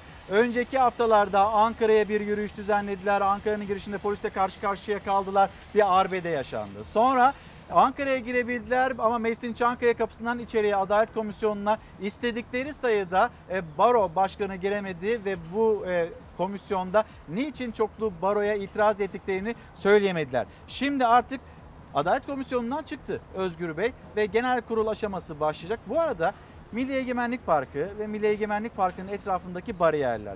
Bu bariyerleri gördüğünüzde siz ne düşündünüz? İçim sızlıyor benim onları gördüğümde. Çünkü bir me- meclis her yerde var. Herkes de kendine demokrasi diyor bu çağda. Ama demokrasi meclisleriyle meşruiyet meşrutiyet meclislerinin bir krala, bir hükümdara bağlı çalışanlarla diğerlerinin iki tane önemli farkı var. Bunlardan birincisi kendi kendine toplanma ilkesi. İkincisi de kapının sokağa açılma ilkesi. Normalde baktığınızda meclisimizin kapısı sokağa açılıyor. Yani bir sarayın bahçesinde değiliz. Ama doğrudan sokakla irtibatını kesen bariyerler demokrasinin önüne de AK Parti'nin koyduğu bariyerlerle aynı bariyerler. O yüzden her geçen gün meclisin böyle halktan, işçilerden, barolardan, baro başkanlarından korkar, kendini onlardan tercih eder, onları içeri sokmaz hali e, son derece üzücü, son derece rahatsızlık verici. Niye karşısınız çoklu baro düzenlemesine? Şimdi hani avukatlar onların itirazları var. FETÖ projesi olduğunu söylüyorlar ve itiraz ediyorlar. Siz hani neden karşısınız ve genel kurulda ne olacak? Nasıl itiraz edeceksiniz? Çoklu baro projesine ülkenin insanlarını böldüğü için, aileleri böldüğü için, siyaseti adalet gibi herkesin ihtiyacı olan ve kimsenin uğraşmaması gereken, bozmaması gereken bir alana müdahale ettiği için ve bir bölücülük projesi olduğu için karşıyız. Çok basit anlatalım. Şimdi anayasa diyor ki barolar kamu kurumu niteliğinde kuruluşlardır. Yani kamu kurumudur diyor. Halka hizmet eden kuruluşlardır. Barolar gibi tarif edilen hiçbir kuruluştan bir şehirde iki tane olmaz. Yani Manisalıyım ben, Manisa Valiliği tek. Çankaya'dayız, Çankaya Kaymakamı tek. Rize'nin Milli Eğitim Müdürü tek. Ardahan'ın Kültür Müdürü tek. Bunlar bir tane olur. İkincisini koyduğunda kargaşa çıkar. Vatandaş kime gideceğini bilemez. Ben hangi valiliği, hangisi benim valim derse o vatandaş o ülkeye tam olarak kendine ait hissetmez. Ya benim Milli Eğitim Müdürüm hangisiydi demeyecek. Bir tane olacak gidecek işini orada çözecek. Çünkü anayasa kamu kurumlarına özel görevler veriyor. Baroların da özel görevleri var. Tabip odalarının da, eczacı odalarının da. Mesela barolar hiç kimse belki farkında değil veya işi düşen farkına varıyor. Kadına karşı şiddette, şiddet gören kadına sahip çıkan özel birimleri var. Çocuk istismarı konusunda özel birimleri var. Temel hukuki yardımlar konusunda özel birimleri var. Ba- Başı sıkışanın farkına vardığı çok sayıda hizmet üretiyor ve insanlar şunu biliyor. Başına bir şey geldiğinde gidecek yer tek. Avukat. Avukatı belli davalardaki başarısına, tavsiyelere göre seçersiniz ama kimse avukatın siyasi görüşüyle ilgilenmez ve bunun mahkeme üzerinde bir etkisi olmadığını düşünürüz bugüne kadar. Ama şimdi burada böyle bir sakınca çıkacak Hem de diyorsunuz. nasıl? Çok çok basit bir şey var. Şimdi diyorlar ki İsteyen herkes daha doğrusu 3 büyük şehirde yani her yerde değil ama 3 büyük şehirde sayısı 5000'i avukatı geçen yerlerde barolar 2000 2000 2000 bölünebilir ve İstanbul'da 24 tane baro kurulabilir. Ne olacak biliyor musunuz? Önce İstanbul'dan İzmir'den başlayıp sonra bütün Türkiye'ye Ankara'dan başlayıp yayılacak bir tehlike bu. Barolar Ak Avukatlar Barosu, Milliyetçi Avukatlar Barosu, Sosyal Demokrat Avukatlar Barosu diye avukatları bölecekler. Avukatlık baroların amblemleri var. Baronun ambleminde şimdi ne var? Terazi falan var. Adaleti simgeleyen kimsenin rahatsız olmayacağı şeyler var. Şimdi başlayacak baroların tabelaları. AK Parti'nin istediği gibi barolar bölündüğünde biri Rabia yapacak Ak Avukatlar Barosu. Biri kurt koyacak, biri kuş koyacak, biri altı ok koyacak. Bir bakacaksınız barolar tamamen siyasileşmiş. Yani şimdi arada bir baroların yaptığı bazı eleştirileri çok siyasi bulup da rahatsız olan AK Parti baroları, partilere, siyasi görüşlere daha da veteri var. Bazen etnistelere yani öyle şeyler ki insan söylemek istemiyor barolar için ama işte şu e, etnisiteden olanlar bundan hiç duymak istemediğimiz şekilde bölünecek. O baro şunlardan, bu baro bunlardan. Bunların hiçbirine ihtiyaç yok. Ve en kötüsü hakim şimdi geçiyor. Kürsüde savcı var, avukat var. Üçü olmadan yargılama olmaz. Biri iddia edecek, biri savunacak, öbürü kararı verecek. Oraya siyaset karışır mı? Mahkemenin başında ne oluyor? Avukatlar geliyorlar ve ellerindeki vekaletnameleri sunuyorlar. Yani ben diyor müvekkilim beni görevlendirdi. Benim vekaletnamem bu. Vekaletnamenin altında baro ismi yazıyor. Şimdi iki avukat var. Bakıyor şu anda adliyede hakim şu anda yargılama yapılıyor Ankara Adliyesi'nde. İkisinin de altında Ankara Barosu veya biri Sinop'tan gelmiş. Ankara Barosu'ndan avukat, Sinop Barosu'ndan avukat. Sıkıntı yok. Bu düzenlemeden sonra aa AK Baro'dan avukat, Sosyal Demokrat Baro'dan avukat. Bu kez zaten hakim bir sürü baskı altında. Bir de bak bak bak iktidara yakın baronun avukatı, muhalefete yakın baronun avukatı. Yargılamaya böyle sonuna kadar siyaset ve bu düzenleme E sizin bu gördüğünüzü AK Parti ya da yaşadığınız kaygıyı AK Parti, Milliyetçi Hareket Partisi yaşamıyor mu? bile bile yapıyorlar. Bile bile yapıyorlar. Çünkü öyle bir şey ki şimdi iktidarda olan partinin yapması gereken bir şey var. Vatandaşın önüne umut projeleri koyması lazım. Bugün hepimiz biliyoruz ki vatandaşın temel kaygısı, vatandaşın baro ile ilgili bir sorunu var mı ya? Yani vatandaş mutfaktaki yangından şikayet eden vatandaşa bu düzenlemenin ne faydası var? Vatandaş baro nedir? Avukat nedir? Bir sistem kurulmuş. Valilik binasını nasıl tartışmıyorsa baroyu da tartışmıyordu. Ülkemin bir gerçeği. Avukatların bağlı olduğu o da. İşliyor mu? İşliyor. Vatandaşa bir zararı var mı? Yok. Ama maalesef beyefendiler Türkiye'nin önüne umut projeleri koymadıkları için sürekli bir gerilim yaratma ve her şey yani AK Parti giderse beka sorunu olur ru kafaya yerleştirecekler ya. Öyle bir hale getiriyorlar ki Türkiye'yi. Avukatları bile bölüyorlar ve vatandaş şöyle diyecek yani. Adalet ararken bile aman AK Parti'ye yakın bir avukat bulayım. Benim işimi AK Parti görür. AK Parti ile avukat bulmazsam sınır komşumla tarlada sıkıntım çıktığında başım derde girer. Cumhuriyet Halk Partililerden yani avukatları bile deşifre ediyorlar. AK Parti'ye yakın olanlar uzak olanlar sürekli bizi şeytanlaştırıyor ya. Artık CHP'ye yakın avukattan, İyi Parti'ye yakın avukattan, HDP'ye yakın avukattan da kaçıp AK Parti'ye arka çıkılacak bir sistem istiyorlar. Türkiye'de korkuyu yönetmek istiyorlar. Türkiye'de kaosu yönetmek istiyorlar. Gerginlikten beslenmek istiyorlar. Yoksa ne ihtiyacı var şimdi Türkiye'nin barolarla ilgili kanuna? Ekonomi konusuna geleceğiz ama şimdi genel kurula gelip de bu düzenlemenin çıkmama ihtimali var mı? Noktasına virgülüne dokunulmadan Adalet Komisyonu'ndan çıktı. Hani haberler, bilgiler böyle. Şöyle ifade etmem gerekirse bir kere yapılan işin paçasından anayasaya aykırılık akıyor. Yani her yeriyle öyle. Vatandaşlarımız bilsin diye söylüyorum. Yani niye karşı çıkıyorsunuz? Ben söyleyeyim karşı çıkılması gerekmiyorsa biz karşı çıkmayalım, destekleyelim biz de. Ardahan'da 46 tane avukat var. Hepsini saygıyla selamlıyoruz. Bu düzenlemeye göre düzenleme meclisten geçtikten sonra 46 avukat Ankara'daki Barolar Birliği'ne 4 tane delege olacak. 4 temsilci. Antalya'da 4800 tane avukat var. Ardahan'ın 100 katı.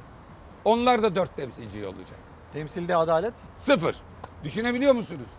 Ardahan'daki bir avukatın kararı Antalya'daki 100 avukatınkine denk olacak. Yani birinin değeri öbüründen 100 kat değerli. Cumhurbaşkanının kendi memleketi Rize. 178 tane avukat var. Pek çok isteyip kazanamadığı İzmir'de 9800 tane avukat var. 170 tane avukata 4 temsilci Rize Barosu'ndan 9810 bine yakın i- avukatın İzmir'den yollayacağı temsilci sayısı 5.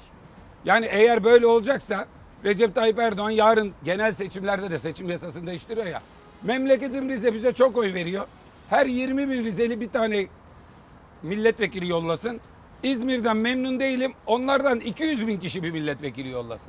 İzmir'in milletvekili sayısı 5 olsun. Rize'ninki de 5 olsun. verse ne olacak? Bunu Rizeliler kabul eder mi? Bunu Kayseriler kabul eder mi? Yani şöyle bir şey var. Eşitlik yoksa düşünün mil, maç yapıyoruz. Hepimiz milli takımı destekliyoruz. Almanya ile oynayacağız. Maç başlamadan önce hepimiz Türkiye kazansın istiyoruz. Almanya'nın kalesini büyütüyorlar, bizim kaleyi küçültüyorlar. Diyorlar ki daha kolay gol atarız. Maçın zevki kalır mı? Hile yapılarak kazanılan bir maçtan taraftar zevk alır mı? Mutluluk duyar mısınız? Yani bir kaleye üç tane kaleci koymuşsun, bir kaleyi boş bırakmışsın. Maçı kazanınca sevineceğiz. Sevinilir mi? Buna tenezzül ediyorlar. Bu tenezzül meselesi baroları ele geçirdikten sonra ne yapacaklar? Onu da söyleyeyim. Barolar bir başlangıç. Anayasa 135 sırf baroları düzenlemiyor. Tabip odalarını bölecekler. Yani doktorlarınız da artık AK Partili, MHP'li, CHP'li, HDP'li, İyi Partili diye ayrılacak. Eczacıları da bölecekler. Mühendisleri de bölecekler. Yani bu Sırada proje meslek örgütleri mi olacak? bütün hepsi kamu kurumu niteliğinde meslek örgütüdür. Mühendisinden mimarına bu tartışmaları AK Parti ile MHP Türkiye'yi lime lime lime ayırmak için yapıyor. Bülent Turan mesela dün açıklama yapmış. Canım biz kanunu böyle yaptık diye bölünmesinler, iyi geçinsinler, bölünmesinler diyor. Geçen hafta bir açıklama yaptı mecliste. Dedi ki kanun geçtikten sonra ilk işim İstanbul Barosu'ndan istifa edip yeni kurulacak baromuza kaydolmaktır. Bakın daha geçmeden siyaset başladı. Bülent Turan bir, bir baroya gidip kaydolacak ve işareti verecek. Burası AK Parti'nin barosudur diye. Bu kadar yanlış, bu kadar memleketin ihtiyacı olmayan ve bu kadar gönülleri bölmeye, insanların birlikte yaşadıkları bu toplumda her şeyi siyasileştirmeye ihtiyacımız olmayan böyle bir kanun olmaz. Bu kanunun bu meclise gelmesi zuldür. Biz ne yapacağız? Onu da söylemiş olayım. Komisyonda iyi bir kanun getirdiklerinde mesela keşke polisin 3600 ek göstergesini öğretmenin, infaz koruma memurunun, din görevlisinin getirseler böyle bir kanun olsa bu kadar 28 maddelik komisyonda uzlaşma olunca yarım saatlik işi var. Bilemediniz iki buçuk saatte bitirilir. Ne oldu? Perşembe günü başladı. Dört Pazartesi sürdü. sabahın ilk ışıklarına kadar devam etti. Günde 12 saat. on- Elimizden gelen her şey. 101 kişi çıktık konuştuk bunu. 101 kere. Ama hani genel kuruldaki görüşmeler bugün nasıl meclis başkanlığı seçimi sonu baştan bir belli bir seçimse genel kurulda da e, yine Cumhur İttifakı'nın oylarıyla kabul edilecek gibi gözüküyor. Bundan sonra rota e, Anayasa Mahkemesi mi olacak? Çünkü avukatlar da buna e, binaen bir adalet nöbetini hazırlanıyorlar Anayasa Mahkemesi'nin önünde. Şimdi eğer bu kanun çıkar da biz bunu Anayasa Mahkemesi'ne götürmezsek Cumhuriyet Halk Partisi büyük bir hukuksuzluğa alet olmuş olur, ortak olmuş olur. Çünkü Anayasa Mahkemesi'ne gitme görevi mecliste ikinci yani ikinci grup olarak tarif ediliyor şimdi. Ana muhalefet iktidardan sonra en güçlü olan gruba verilmiş özel hem bir yetki hem bir görev. Anayasaya aykırı bir şey varsa bunu bize ihbar et diyor anayasa anayasaya çok o kadar açıkça aykırı ki bunu götürmek boynumuzun borcu. Kimsenin şüphesi olmasın. Götürürüz. Orada Türkiye'nin dört bir yanından avukatlar adalet nöbeti tutacaklarını söylüyorlar. Hatta burada biz elimizden geleni yaptık engel olamadık. Oradaki adalet nöbetine de iştirak ederiz, katkı sağlarız. Bütün vatandaşlarımızın da katkı sağlamasını bekleriz. Çünkü hepimizin geleceği karartılıyor. Bakın nasıl geçmişte FETÖ bazı işler yaptı. Sonra bunun yanlış olduğu oldu. Cumhurbaşkanı dedi ki kandırıldım, aldatıldım. Artık bu bahane yok. Kandırıldım dese. Çünkü göz göre göre kendi yapıyor. Noktasını değiştirmiyorlar. Bir tek şunu düşünsünler. Bütün AK Partililer. Hatta AK Partili avukatlar düşünsün. AK Parti bunu 2013'te de istemişti. FETÖ istiyor diye. İtirazlar sonucunda son anda geri çekilmişti. Bugünkü gibi itiraz etmiştik. Ya açılsaydı? 2013'te bir baro açılacaktı. O baro büyük ihtimalle hizmet barosu derlerdi de adına. Hizmet hareketinin barosu. AK Partili bir sürü avukat da AK Parti'nin yönlendirmesiyle hizmet barosuna kaydolacaktı. Diyelim 3000 kişi İstanbul'da. 15 Temmuz'dan sonra hizmet barosu kapatılacaktı. Avukatların hepsini içeri atacaktılar. Yine AK Parti hükümeti. Kuran o. Gidin oraya üye olan o. Bilmiyor muyuz? AK Parti'ye yakın sendikalara üye olanların hepsi memuriyetten atılmadı mı? Oysa ki o sendikalara geçen vatandaşlar AK Parti'nin yani memurlar AK Parti bu sendikaya sempatiyle bakıyor diye geçiyordu. Milli Eğitim Müdürü göz ucuyla işaret ediyordu o sendikaya geç diye. Bütün öğretmenler o sendikada toplaşıyordu. 15 Temmuz'da o sendikayı kapadılar. Memuriyetten attılar.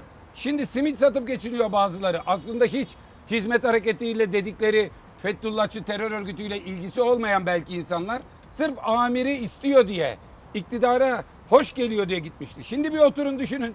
O gün dediğinizi yapsalardı bugün o baroya kaydolan avukatlar hepsi birden ya içerideydi ya meslekten mendi. E şimdi aynı hatayı bir daha yapıyorlar. Yanlış işler bunlar. Böyle işlerin peşine düşmemek lazım. Ama en nihayetinde şunu söylüyorsunuz. Bu Türkiye'nin ya da sokaktaki vatandaşın ilgilendiği, dikkatini çevirdiği bir konu değil. Neden söz buraya geliyor, cümleler buraya geliyor diye sormaktasınız. Şimdi bir mola vereceğiz. Bu konuyu, barolar konusunu kapatacak mıyız? Bir cümleniz daha var mı? Barolar konusunda cümlem şudur. Her yönüyle yanlış, her yönüyle bölücü bir iş. Ve bu iş olduğunda Türkiye'de avukatların yüzde 53'ü, 3,5 büyük şehirde. Bu onların suçu değil. Ekmek orada diye gittiler. İzmir, İstanbul, Ankara. Avukatların yüzde 53,5, 54'ü orada. Delege sayısında bunlara sadece yüzde 7 veriliyor. Diyor ki siz yüzde 53'sünüz, siz de yüzde 7 veriyorum. Geri kalan yüzde 47'ye de yüzde 93'ünü veriyorum. Böyle bir paylaşım kimin içine sinebilir? Yani yapılır da bu kadar kötüsü yapılır mı? Bu kadar adaletsizi yapılır mı? Sırf Türkiye'de bir ayrışma alanı yaratmak için Kısacık e, Barolar Birliği Başkanı Metin Feyzoğlu ile görüştünüz mü bu süreçte? ben şahsen görüşmedim. Metin Feyzioğlu büyük bir savrulma içinde. Şurada baro başkanları günlerce gece gündüz durdular. Onların yanına gelemeyecek, yüzlerine bakamayacak halde.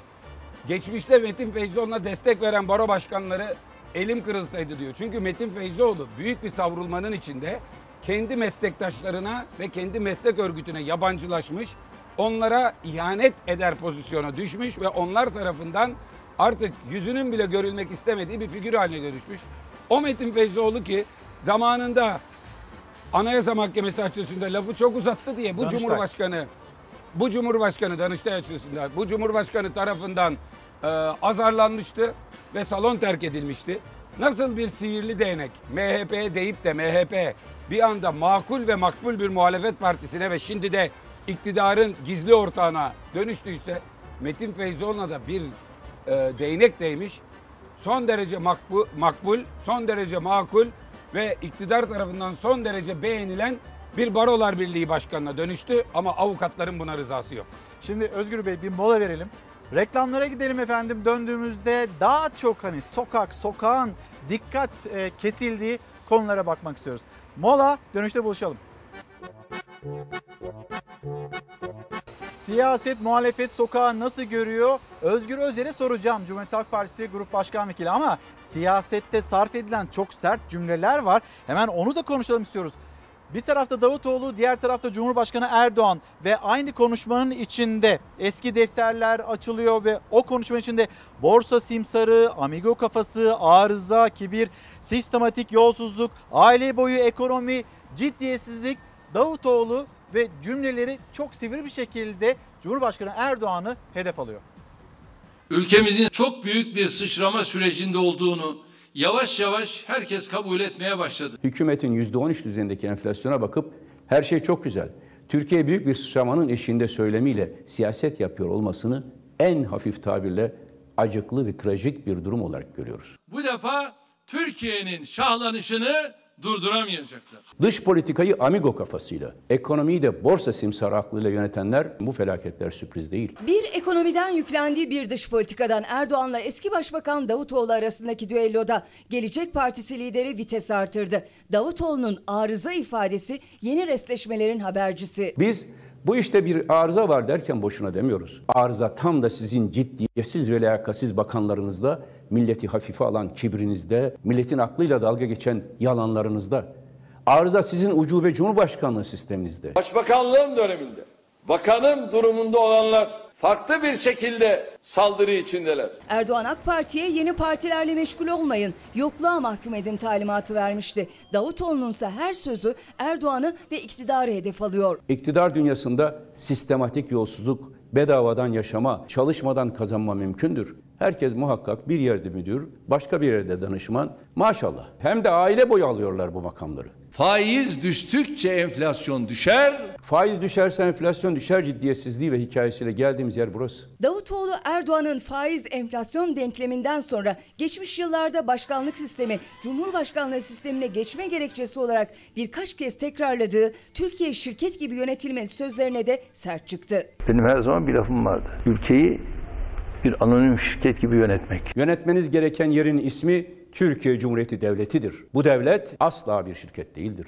Şirket yönetmek isteyenler giderler kendi şirketlerinde her türlü riski alır, her türlü akıl dışı oyunu deneyebilirler. Erdoğan'ın sosyal medya çıkışı da iki ismi karşı karşıya getiren bir diğer başlık oldu. Bu tür sosyal medya mecralarının tamamen kaldırılmasını, kontrol edilmesini istiyoruz. Ah ah siz artık sadece kapatmaya alıştınız. Üniversite kapatıyorsunuz, sosyal medyayı kapatıyorsunuz, gençlerin yorumlarını kapatıyorsunuz, Türkiye'yi kapatıyorsunuz. Bir zamanların sokak sokak siyaset yapan, her mekana girip dert dinleyen bir iktidarını şimdi köçe bucak, milletten kaçar bir hale getirdiniz. Davutoğlu Çin ve Rusya ilişkilerinde Kantar'ın topuzu kaçtı derken koalisyon hükümeti ifadesi de dikkat çekti. Şimdi gözler AK Parti'den bu eleştirilere bir cevap gelip gelmeyeceğinde. Çok sert sözler, çok sert ifadeler duyuyoruz. Ama bir taraftan da AK Parti'nin kuruluşunda yer alan bir isimden bahsediyoruz. Ee, Ahmet Davutoğlu başbakanlık yapmış bir isim AK Parti'nin içinde ve şimdi Cumhurbaşkanı Erdoğan'la karşı karşıyalar. Benzer bir isim yine AK Parti'nin içinden çıkan, Deva Partisi'ni kuran ve liderliğini götüren e, kişi e, Ali, Babacan. Babacan. Ne dersiniz? Şimdi bence şöyle düşünmek lazım. AK Parti'ye oy veren seçmenler hatırlasınlar. Cumhuriyet Halk Partisi, diğer muhalefet partileri bugün Sayın Davutoğlu'nun Babacan'ın dile getirdiği eleştirileri yıllar önce söylüyorlardı ve hep söylüyoruz. Tabii bizim bunu siyasi rekabetten dolayı söylediğimiz. Örneğin Türkiye'de ihalelerin şeffaf olmadığı, adrese teslim olduğu ve her ihalede AK Parti'nin yönetim kademelerinin bir şekilde yönlendirici oldukları ve o ihalelerden her yönüyle haberdar oldukları ile ilgili sözleri biz hep söylüyorduk. Biz ihale simsarı demedik hiç bugüne kadar ama Davutoğlu işin adını öyle koymuş. Kim bu Davutoğlu? Davutoğlu herhangi bir AK Partili küskün e, milletvekili falan değil. Bir dönem milletvekili oldum sonra olmadım. Kızayım partimi eleştireyim değil. Davutoğlu Recep Tayyip Erdoğan'dan sonra bu partinin ikinci genel başkanı. Recep Tayyip Erdoğan'dan sonra Abdullah Gül ve Recep Tayyip Erdoğan'dan sonra üçüncü başbakanı. Ve Erdoğan tarafsız bir cumhurbaşkanı o zaman anayasa öyleydi. Tarafsızlık yemini edip Çankaya Köşkü'ne çıktıktan sonra yapılan seçimde 1 Kasım'da yüzde 49,5 oy almış. Yani hem delegesi tarafından bütün delegelerin oylarıyla partinin genel başkanlığına seçilmiş. Hem de sonra e, yüzde 49,5 oyla başbakanlık koltuğuna oturmuş birisiydi. Ülkeyi yönetmek istiyordu ve belli şeyler söylüyordu. Mesela siyasi etik yasası diyordu. O ne demek? İhalelerin şeffaf olması demek. Veya siyasetçilerin nereden yardım aldıklarını, partinin parasının nereden geldiğinin şeffaf olarak ortaya konması demek. Daha açık konuşmasını mı istiyorsunuz Davutoğlu'nun? Ya Davutoğlu daha açık konuşacak öyle anlaşılıyor. Her geçen gün biraz daha belli. Ama vatandaşın Davutoğlu'nun kim olduğunu hatırlamasını istiyorum. Yani AK Partililer Cumhurbaşkanı Recep Tayyip Erdoğan yıllarca görev yaptı 13 sene 13 sene. Sonra Cumhurbaşkanı seçildi. Her seçilen Cumhurbaşkanı gibi gidip ettiği tarafsızlık yeminine sadık durup partinin işlerini Davutoğlu'na bırakmadığı için Davutoğlu'na il başkanlarını atama yetkisini bile elinden aldığı için Davutoğlu'na parti içinde sürekli baskı yaptığı ve Davutoğlu siyasette etik yasası çıkaralım. Hayır, il ilçe başkanı bulamayız. Sen cumhurbaşkanısın, senin il başkanı olmaz ki. Artık senin valilerin, kaymakamların var ama il başkanları partinin genel başkanı. Hayır ben yöneteceğim. Yani mantığı anlatmak açısından. Git Demirel gitti. Partiyi Tansu Çiller yönetti. Özal gitti Mesut Yılmaz yönetti. Ama bir tek burada seçilen Cumhurbaşkanı namusu ve şerefi üzerine and içtiği halde tarafsız kalmadı. Partinin işlerine karıştı, devletin işlerine karıştı ve en son Davutoğlu'na parti içi bir darbe yaparak onu çağırıp ilk önce il ilçe başkanı Kendisi Refik darbesi olarak adlandırılmış. Evet. İl ilçe başkanı atama yetkisini genel başkanın elinden alarak Davutoğlu'nu çağırıp birkaç saat süren bir toplantının sonunda da istifaya zorlayarak parti içi darbe yaptı ve vatandaşın seçtiği bir başbakanı 1 Kasım'da alıp kapının dışına koydu. Ve öyle bir hale getirdi ki hem parti elinden aldı hem başbakanlık yetkisini elinden aldı ve kendisine uygun çalışacak. İhalelerde de ses çıkarmayacak, atamalarda da ses çıkarmayacak. Ne derse tamam diyecek. Zaten büyük sırdaşı olan Binali Yıldırım'ı aldı başbakan yaptı. Hangi Binali Yıldırım? Havuzcu Binali Yıldırım, havuz medyası. Bilmiyor muyuz o zamanlar? Basına yansıdı. Binali Yıldırım da herhalde inkar etmiyor. Bütün havuz medyasını satın alabilmek için bütün iş adamlarından para topladılar. Havuza para attılar. Bu tip işleri bile yönetmiş. Sırdaşı ve birlikte operasyonlar yaptığı Binali Yıldırım'ı aldı. Binali Yıldırım şeklen başbakandı. Cumhurbaşkanı olarak Binali Yıldırım'ı önce yönetti. Sonra Binali Yıldırım oturduğu koltuğu imha etti. Başbakanlığı ortadan kaldırdılar. Bütün yetkileri Cumhurbaşkanı'na verdiler. Sen sağ ben salim.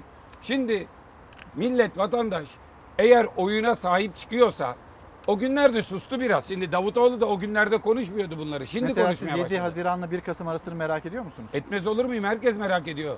Davutoğlu'nun en çok konuşması gereken konu odur. Çünkü 7 Haziran'da va- vatandaş dedi ki artık tek başına iktidar yok. Bir koalisyon kurun. Devlet Bahçeli bir anda o zamanlarda biliyorsunuz başkalaştı. Koalisyona girmem. Dışarıdan destek vermem. Tek başına sen ol biz desteklerim onu da kabul etmem. Başbakan ol dedik onu bile kabul etmedi Devlet Bahçeli. Neden?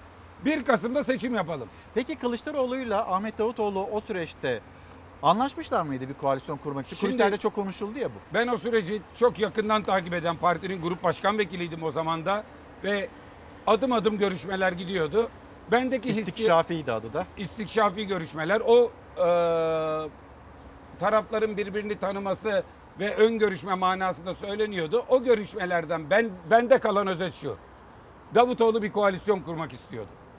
Cumhuriyet Halk Partisi de böyle bir e, Recep Tayyip Erdoğan'ın Türkiye'yi getirdiği noktadan Davutoğlu gibi koalisyon dengeleri içinde makul bir yerde de tutulabilecek. Belki Cumhuriyet Halk Partisi'nin dış politika mesela bizim en çok eleştirimiz ve en iyi bildiği iştir Cumhuriyet Halk Partisi'nin. Yani CHP her şey derler dış politikada kimse demez. İnönü'nün Lozan zaferinden tutun işte Ecevit'in Kıbrıs çıkartmasındaki dirayetine kadar Cumhuriyet Halk Partisi'ne dış politikada kimse bir şey söylemez. Belki CHP o dönem dış politikayı ele alsaydı bir koalisyon olsaydı Suriye'de 4,5 milyon mülteci buraya gelmeyecekti. Eğer Cumhuriyet Halk Partisi Milli Eğitim gibi çok eleştirdiği 4 artı 4'ü zamanında durdurabilmiş, revize edebilmiş ve getirip de gerçek bilimsel, çağdaş ve herkesin AK Partili'nin de çocuğu için iyi bir eğitim sistemi uzlaşmayla kurabilseydi kimsenin inancına karışılmadığı, kimsenin e, hangi okula gideceği konusunda bir zorlamanın yapılmadığı ama bilimsel PISA sınavındaki o çocuklarımızın başarısı yükselseydi bugün en çok bundan AK Partili anneler memnun olacaktı. Çünkü bütün anketler gösteriyor ki AK Partili anneler en çok milli eğitimden şikayetçi. Çocuklarının iyi eğitim alamamasından. Ve eğer o gün bir koalisyon olsaydı Türkiye bugünkü diktatörlük görüntülerine, bugünkü işte yargı bağımlılığı, yargının bağımsız olamaması, birinin tahakkümü altında olması gibi dün, dünyada kendisini zora düşüren şeyler. Eğer o gün koalisyon başarılmış olsaydı belki şimdi Avrupa Birliği'ndeydik. Şu anda milli gelir 9 bin dolara düşmüş. Belki 25 bin dolardaydık. Yani şu sokakta yürüyen amcanın cebindeki para 3 kat artmış olacak. O gün fırsat mı kaçırıldı? Anlaşılıyor ki böyle bir fırsat Recep Tayyip Erdoğan tarafından bombalandı ve suç ortağının da Devlet Bahçeli olduğu anlaşılıyor. Devlet Bahçeli koalisyona girmem, dışarıdan destek vermem, tek başına başbakan ol dedik onu da reddetti. Bu ne demek? Türkiye'yi Recep Tayyip Erdoğan'la Devlet Bahçeli koalisyon kuramayan 7 Haziran 1 Kasım arası kaosun yaşandığı bir süreç. ve sonra tekrar tek başına AK Parti hükümeti ve ardından bu yaşadıklarımız. O zaman şimdi Millet İttifakı'nı Ahmet Davutoğlu'nun partisi Gelecek Partisi ile ya da Deva Partisi lideri Ali Babacan'la genişletebiliriz diyorsunuz. Ben şöyle söyleyeyim. Cumhuriyet Halk Partisi ittifaka normal şartlarda matematiksel ihtiyaç duymayan şu anda Türkiye'de iki partiden bir tanesi. Matematik onu gösteriyor. Kesin olarak CHP'nin illa bir ittifakın içinde olacağız ve şundan bundan olacağız diye bir meselesi yok. Ama 24 Haziran'da kurduk mu kurduk. Hala da sürüyor. Mecliste birbirimize sahip çıkmamızla Saadet'te, İyi Parti'de, CHP'de, Demokrat Parti'de biz mecliste grubu bulunan bütün partilerle de ilişkilerimizi sürdürüyoruz. Bir gerçek var. Ben geçen sene İstanbul seçimleri alınırken oradaydım. Hep birlikte bunu yaşadık. İstanbul'un üzerinde kara bulutlar vardı. O bulutları bir tek AK Parti'nin İstanbul'un bağrına hançer gibi sapladığı gökdelenler deliyordu. Kapkara bulutlar ve şu anda bir anda İstanbul'da masmavi bir gökyüzü. O olurken ne oldu biliyor musunuz? Bir gökkuşağı açtı İstanbul'da. O gökkuşağının içinde çok farklı farklı renkler vardı. Birbirinin içine ve işine karışmıyorlardı. Ama aynı doğrultuda duruyorlardı. Diyorlardı ki İstanbul'daki bu talanı, İstanbul'daki bu ihale yolsuzluklarını, İstanbul'daki bu israfı, adam kayırmacılığı, çevre düşmanlığını ve geleceği düşünmeden İstanbul'u tüketen bu yönetim anlayışından 25 yıldır bıktık. Bir değişsin, bir başkası yönetsin diyorlardı. O gök, gökkuşağındaki bütün renklere biz İstanbul İttifakı dedik. Birbirinin içine işine karışmadan aynı yerde doğru yerde durdular diye bugün masmavi bir gökyüzü var İstanbul'da. Dün sosyal medyada İstanbul çokça konuşuldu. Şile e, özellikle Evet. ve 1994 yılına geri gönüldüğü eleştirileri de e, getirildi. İstanbul Büyükşehir Belediye Başkanlığı'na ve Sanayi Bakanı e, Mustafa Varank. Merakla beklediğiniz dizinin yeni sezonu yayınlanmış. Olay İstanbul'da geçiyor. Dark parantez içinde İstanbul yıl 2020 tür dram ve yine bir değerlendirmede bulunulmuş bir fotoğraf var ve İSKİ, İSKİ'nin işte su tankeri var. Orada vatandaşlar, Şile'de vatandaşlar sularını dolduruyorlar. Sene 2020 diyor. Mustafa Varank bunu eleştiriyor. Sosyal medyada da e şimdi siz bunu hatırlatıyorsanız e geçtiğimiz seneden biz de o zaman tanzim kuyruklarını mı hatırlatalım diye böyle karşılıklı bir tartışma devam etti. Bu fotoğrafı gördünüz mü? Ne dersiniz bu fotoğrafa? Şimdi birincisi fotoğrafı gördüm. İstanbul Büyükşehir'in de açıklaması ortada. Şile'de 1994 yılında yapılan eee, depolama tesisi ve Şile'nin su kullanması için gerekli olan yatırım 94'te yapılmış. O günden beri genişletilmemiş ve en az iki katına çıkarılması ile ilgili ortaya konan raporlara rağmen İstanbul Büyükşehir Belediyesi 94'ten geçen seneye kadar bunu yapmamış.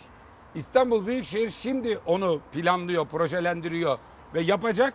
Varank eleştiri güzel ama o fotoğrafın mimarı 25 yıldır İstanbul'u yönetenler. 94 yılından beri Şile'nin su kullanmak için ihtiyaç duyduğu altyapıyı değiştirmemişler. Varank şimdi bizi suçluyor. Ne yapacaktık biz? 94'ten beri yapmadığınız barajı, 94'ten beri yapmadığınız doldurma ve aktarma ünitelerini bir sene içinde biz mi yapacaktık? Ki projelendirilmiş ve yapılıyor. Yani AK Parti'den aldığımız bu Şile görüntüsüne son vermek yine Ekrem İmamoğlu'nun projesiyle çözülmüş olacak. Şimdi vaktimiz varken hemen bir e, siyaset, siyasetin gözünde ekonomiye bir, bir bakalım. Sonrasında görüşmeler, görüşlerinizi merak ediyorum. Çünkü iktidar, iktidara baktığımızda pembe bir tablo, muhalefete baktığımızda iyi bir tablo yok önümüzde. Bir de uzmanlar var. Uzmanların görüşlerini de paylaşacağız. Bir hemen e, siyaset, siyasetin dilinde ekonomi paylaşalım dönelim.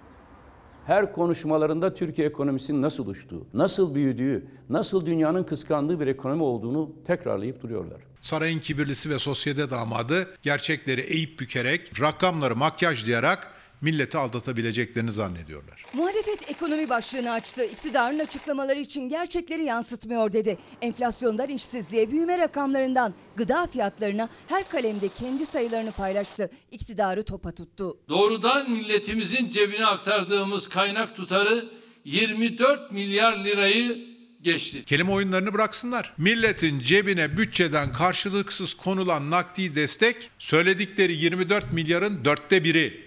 Yani 6 milyar lira. Geriye kalan ya çalışanın kendi tasarrufu olan işsizlik sigortası fonundan ya faizle kredi ya da faizle borç erteleme. Cumhurbaşkanı Erdoğan enflasyon hedefi için tek hane demişti. Muhalefet en çok da bu hedefe ses yükseltti. Şu anda da yıllık %12,6 seviyesinde olan enflasyonu en kısa sürede tek haneli rakamlara düşürmekte kararlıyız ve bunu da başaracağız. Pahalılıktan marketlerde bebek mamalarına hırsız alarmı takılacak noktaya gelmişiz. Sarayın kibirli adamı hala enflasyonu tek haneye indireceğiz diyor. Ama olmuyor. Söylemekle olmuyor. Milletin cebindeki 100 liranın 13 lirası bizzat bu iktidar tarafından her sene üretilmektedir. Böylesi bir soygun düzene milletimiz mecbur değildir. Bir grup liyakatsız, cahil ve ciddiyetsizlerin etraflarındaki helal haram bilmezleri besleyecekler diye milletimizin alın terini her ay çalmasına müsaade edemeyiz. Gelecek Partisi lideri Ahmet Davutoğlu milletin parası eriyor derken CHP sözcüsü Faik Öztrak enflasyon farkı ve yılın ikinci yarısında verilecek zamla birlikte 202 lira artacak memur maaşına dikkat çekti, market hesabı yaptı. 202 lirayla ne yapılır? Şöyle bir kahvaltı sofrası. Öyle en pahalılarından değil. Orta halli, peynir, zeytin, yumurta, reçel, tereyağı gibi 3-5 parça bir şey alsanız 80 liradan aşağı çıkılmıyor. Öğlene de bir etli kuru fasulye bir de bulgur pilavı yapayım deseniz soğanı, yağı, salçası, fasulyeti, eti derken 120 lirayı market kasasına bırakıyorsunuz bugün. Eder 200 lira. Ne kaldı elde? 2 lira. 2 liraya da akşam ne yerseniz yiyin. Yapılan zam tek bir günde 3 öğün yemeği karşılamıyor. Kamusal borçlar açısından baktığımızda her doğan çocuk 19.638 lira Türk lirası borçla doğuyor. Yani çocuklar analarının karnında borçlanıyorlar.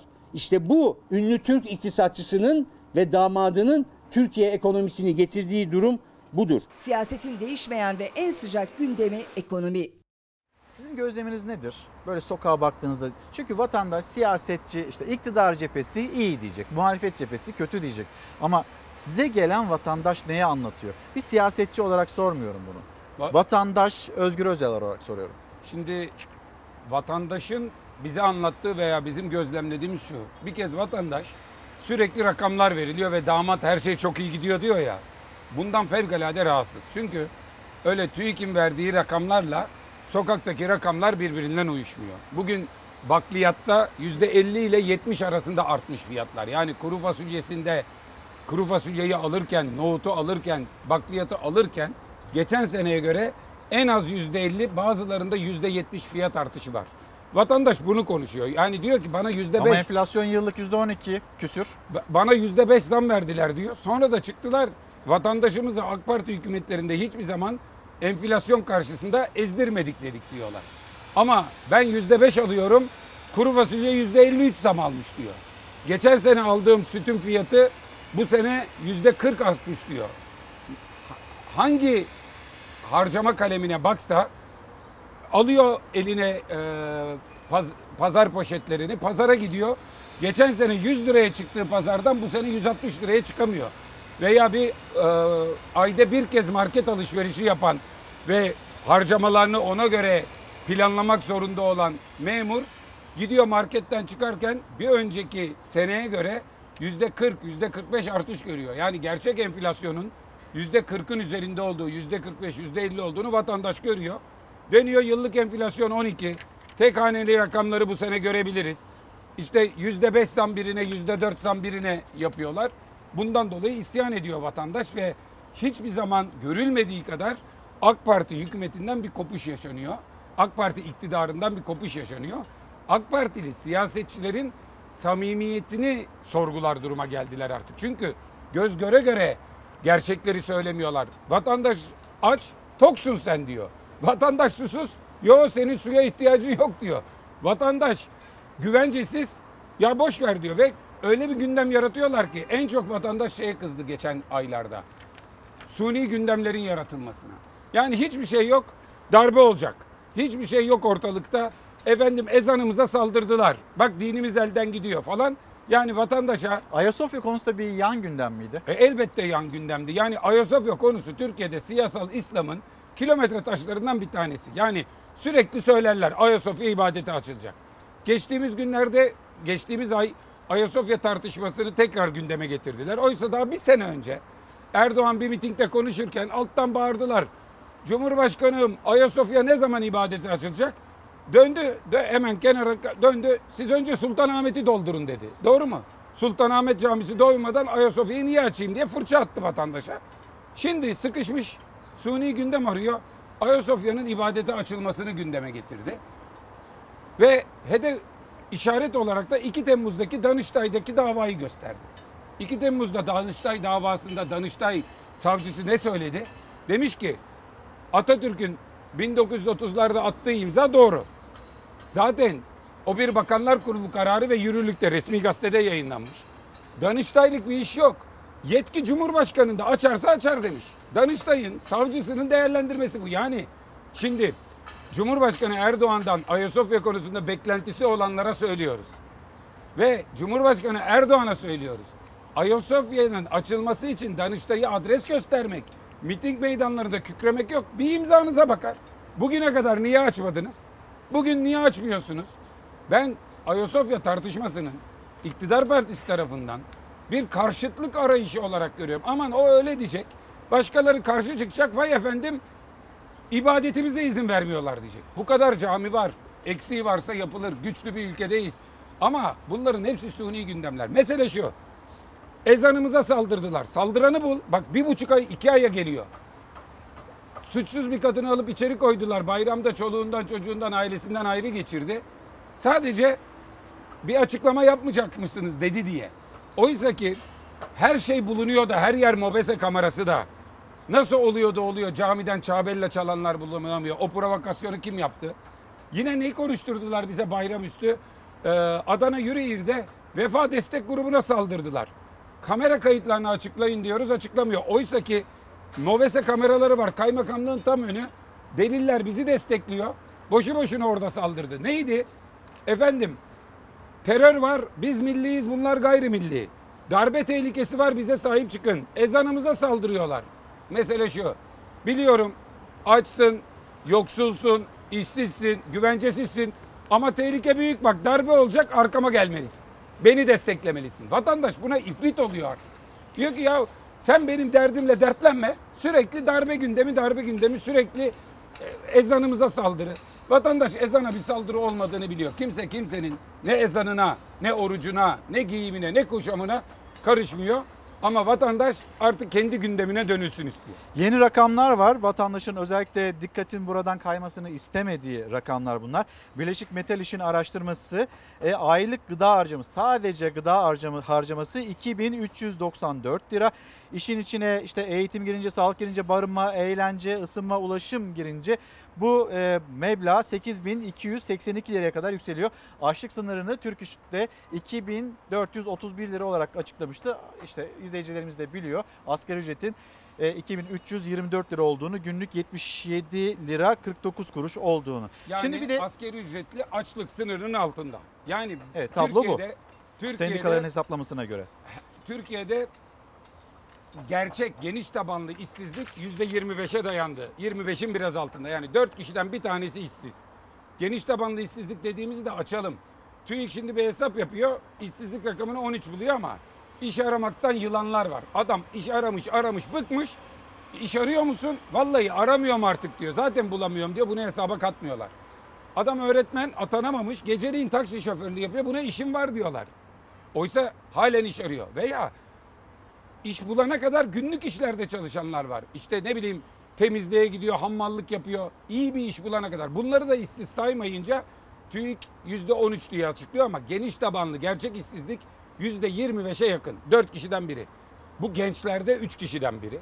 Düşünün bunlar hiç yok ve bunların ümidi ne? Askeri ücretli olsun bir iş bulmak. Askeri ücretle iş bulsa sevinecek adam. Belki sevincinden ağlayacak. O da açlık sınırının altında. Türkiye'yi AK Parti'nin 18'de alıp getirdiği nokta bu. Dünya kadar işsizimiz var, iş bulanımız da aç. Açlık sınırının altında. Kıdem tazminatını soracağım ama kayıp bir baraj var. O haberi bir paylaşalım, öyle devam edelim. Buyurun. Hazır mıyız? Hep birlikte barajın temel atacağız. Devrez Barajı. Ya Allah, Bismillah. Temelin bir parçasına bile ulaşabilmiş değiliz. Bu bölgede şu anda incin top oynuyor. 2017 yılında coşkuyla temeli atıldı. Aradan 3 yıl geçti. Yıl 2020 oldu. CHP'li vekiller Çankırı'daki Devres Kızlar Yolu Barajı'nın peşine düştü, izine sürdü. Ama o temelden de barajdan da eser yoktu. Siyaset barajı aramaya başladı. 1952'den beri hasretle beklenen Devrez Kızlar Yolu Barajı muhteşem bir baraj. Adeta denize benzeyen bu dev yatırım 160 bin dekar araziyi sulayacak, 5 megawatt elektrik üretilecek. Şu ana kadar barajın temeline ulaşabilmiş değiliz. Size sadece vadide kayalardan artan e, moloz yığınlarını ya da kaya parçalarını gösterebiliyoruz. Dönemin Orman ve Su İşleri Bakanı Veysel Eroğlu'nun hasretle beklenen baraj diyerek temelini attığı o baraj 450 milyon liraya mal olacaktı. 2018 Eylül ayında da tamamlanması öngörülüyordu. Çankırı, Çorum ve Kastamonu'yu besleyecekti. Çankırı'da baraj ve gölet var mıydı? Yoktu doğru dürüst. İlk defa suyu biz getirdik. İlk defa baraj ve göletleri inşaata biz başladık. İşte en büyük baraj da şu anda bugün temin atacağımız Devrez Barajı. Sayın Eroğlu 17 Aralık 2017 tarihinde temeli attığınız Devrez Barajı'nın e, temelini biz aradık bulamadık. Siz bize bu barajın yerinin nerede olduğunu gösterebilir misiniz? CHP'li vekiller Gökhan Zeybek, Hasan Baltacı ve Turabi Kayan Çankırı'ya gitti. Barajın olması gerektiği yerde araştırma yaptı, barajı aradı. Ama değil baraj, törenle atılan temel bile yoktu. Sadece ilk harcın döküldüğü poligon duruyordu. Burada temel atıldığı iddia edilmişti. Biz de temeli aradık. Bulabilirsek arabamızın bagajına koyup e, meclise getirmeyi düşünüyorduk. Bölgede e, akarsu kendi yatağında milyonlarca yıl önceden olduğu gibi yatmaya devam ediyor. Devreç Barajı'nı bulamadık. Akıbeti merak edilen baraj için Veysel Eroğlu sessiz.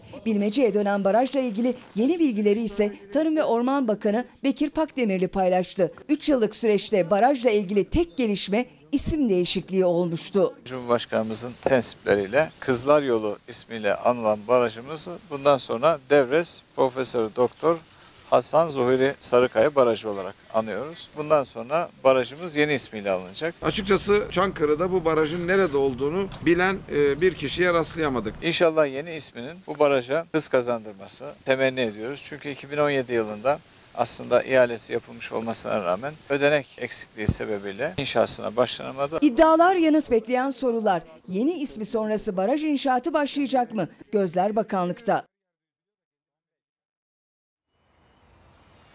Bir son dakika gelişmesi var. Tarım Bakanı Bekir Pakdemirli kameraların karşısına geçti. Gün boyunca, dün gün boyunca yine sabah saatleri itibariyle Çanakkale Gelibolu'daki yangını çok yakından takip ettik ve bu yangınla ilgili Tarım Bakanı Bekir Pakdemirli yangının kontrol altına alındığını açıkladı kameraların karşısında. Soğutma çalışmalarına geçtik dedi. 300 hektardan daha fazla bir alan yanmış olabilir demişti ve şu an itibariyle Hesaplamalar daha da kötü 450 hektarlık bir alanın ormanlık alanın yine ekinlerin olduğu bölgenin kül olduğunun bilgisini paylaştı Tarım Bakanı. Özgür Bey geri dönecek olursak kayıp bir baraj sorunu yaşanıyor. Geçen hafta bugün e, bu gündem bizim tarafımızdan e, dikkate alındı. Genel Başkanımız ilk tabii çok ciddi bir fikri takip e, var Sayın Kemal Kılıçdaroğlu'nda.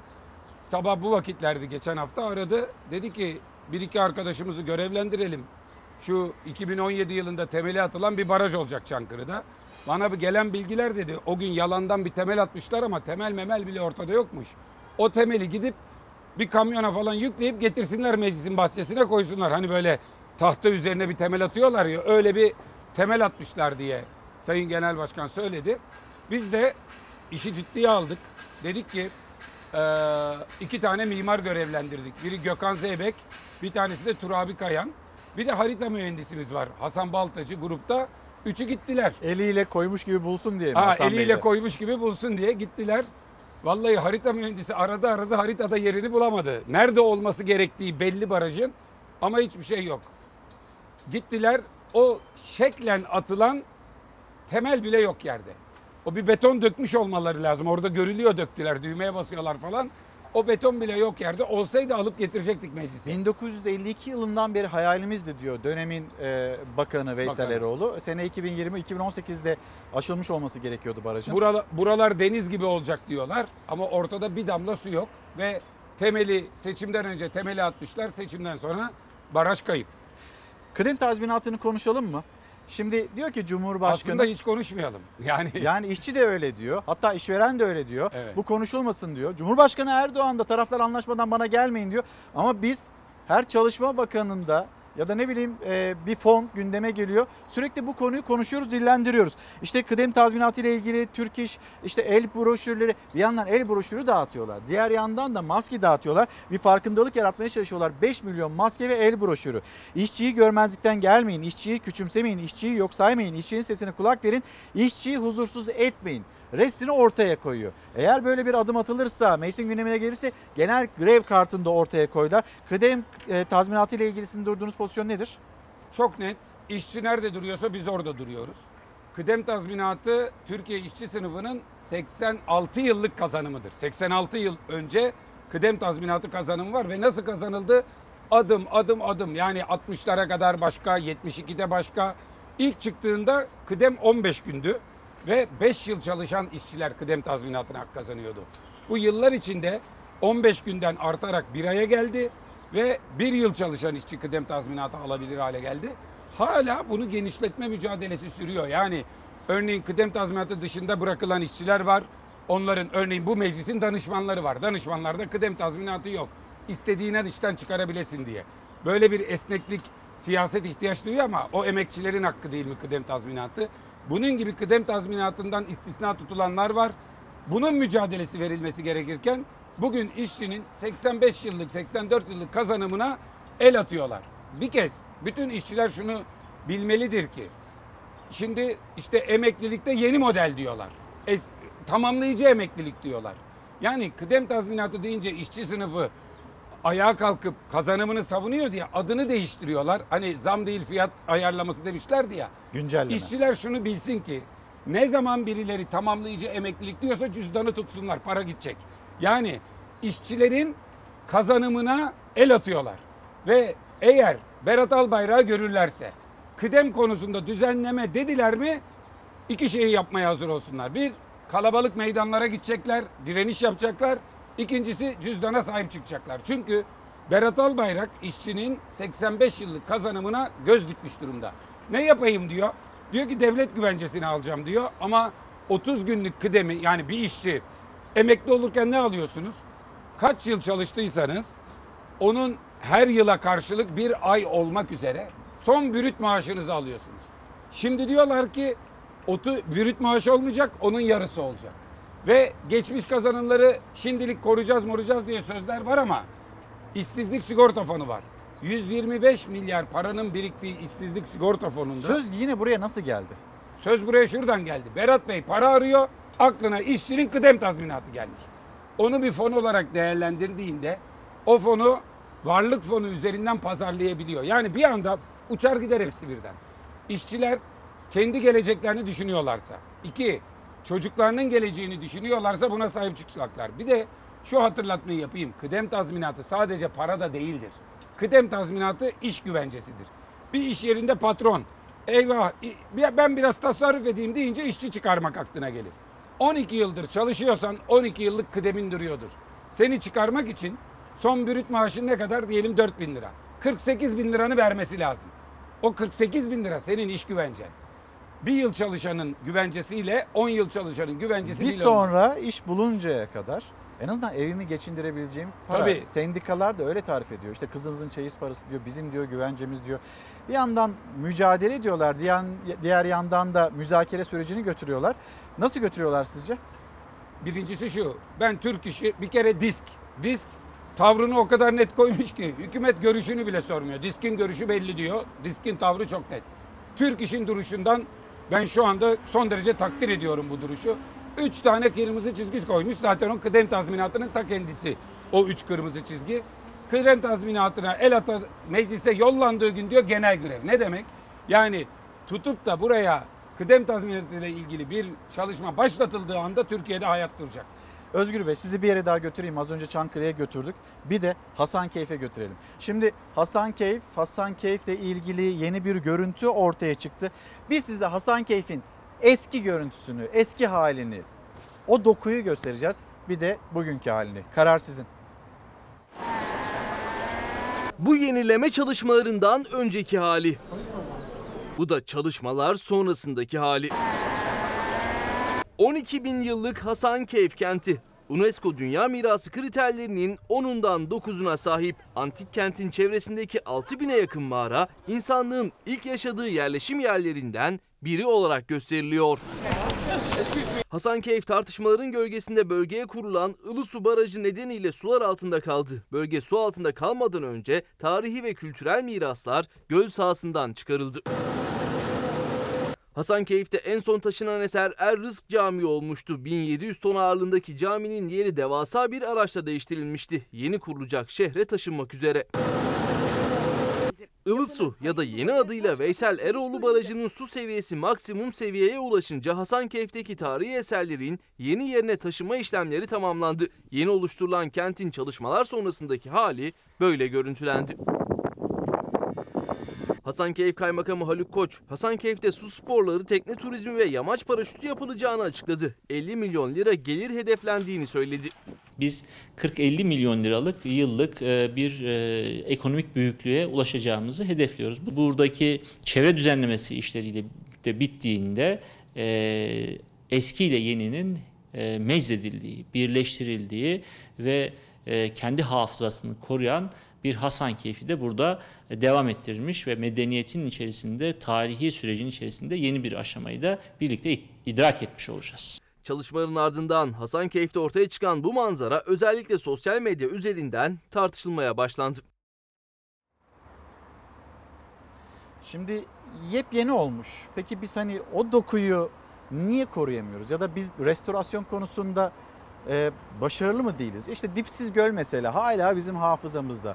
Bir dipsiz göl, altında hazine var denilmiş. Devletin e, yetkili kurumları izinler verilmiş. Gitmişler orada hazine aranmış. O binlerce yıllık güzelim göl kurutuldu. Sonradan taşıma suyuyla değirmeni çevirmeye çalıştılar. E o da olmadı. Şimdi Hasankeyf burada da ciddi eleştiriler var. Hani bir düzenleme, bir mizampaj, bir ne bileyim alan yaratılmaya çalışılıyor. Ama biz eskisi hani eski hali Beton, eski bol dokusu bol beton. Ne dersiniz? Şimdi bir kere burada verilmiş bir söz vardı. Tabii o sözün tutulmayacağını çevreciler biliyordu. Yıllardır eylem yapılıyor. Yıllardır Hasankeyf korunacak, taşınacak, eskisinden güzel olacak. Gördük güzelini. AK Parti'nin anlayışı. İnşaata çıkan her yol mübahtır. Akıl almaz bir şey. Her yer beton ve sürekli işte birilerine bir iş verecekler ve maalesef estetikten yoksun, restorasyon meselesinden anlamayan, korumaktan anlamayan bir anlayışla karşı karşıyayız. Ee, o gölün altından hazine çıksa ne olur? Ne kadarlık altın bulunabilir? O altını satsan o gölü geri getirir mi? Yani Mesela Kaz Dağları ya da memleketin çeşitli yerlerinden gelen o çevre haberleri. Ka- Kaz Dağları'nda böyle yıllar önceydi. Daha o zamanlar eczacı odasındaydık. Kaz Dağları ile yine dayanışma için gitmiştim. Orada bir köylü amca dedi ki Kaz Dağı'nın altını üstündeki zeytinidir dedi. Ağzım açık kaldı dedim ne güzel laf. Kaz Dağı'nın içinde altın arıyor. Buranın altını diyor üstündeki zeytinidir. Her sene ürün verir toplarsın toplarsın. Oradan altını diyor girersin bir kere çıkarırsın. Bir daha altın da olmaz. Kaz Dağı diye bir şey de olmaz. Çanakkale'deki olmaz. yangına üzülüyoruz. E ne kaldı ki Kaz Dağı'nda? Tabii tabii kendi elin kendi elinle yok ediyorsun. Çankırı'da şu anda siz e, Çanakkale'de şu anda sizin memleketiniz tabii ama hepimizin ciğeri yanıyor.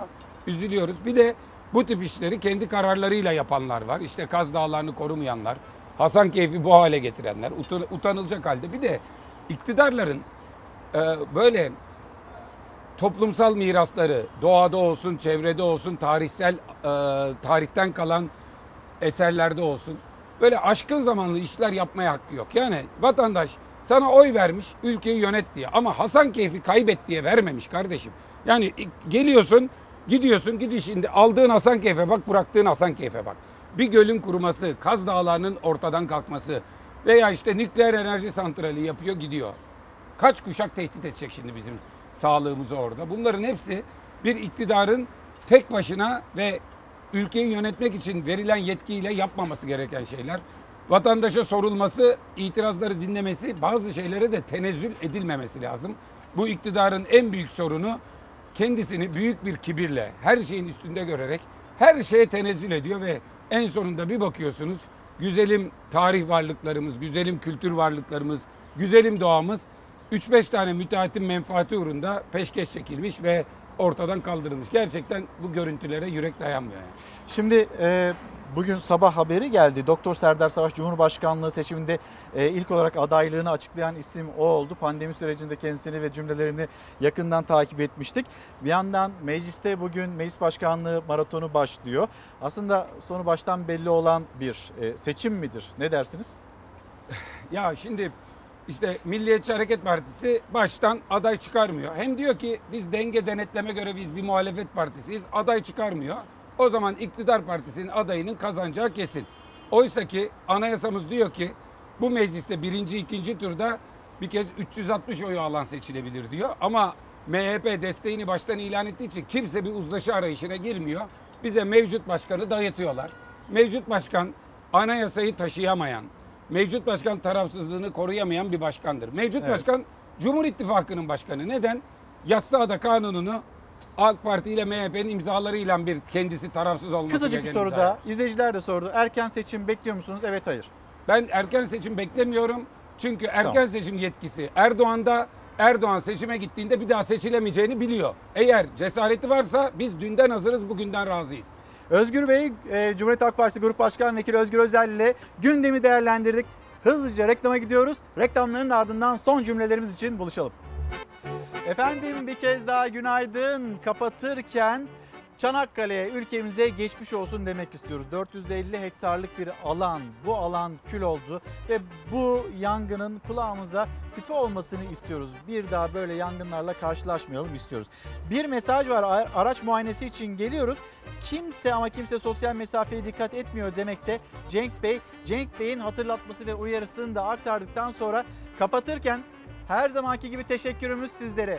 Bizi izlediğiniz için çok ama çok teşekkür ederiz. Yarın bir aksilik olmazsa saatler 8'i gösterdiğinde bizler yine bu ekranda tam karşınızda olacağız. Türkiye'nin, dünyanın ve sizin gündemini aktarmak için. Şimdilik hoşçakalın, güzel bir gün olsun.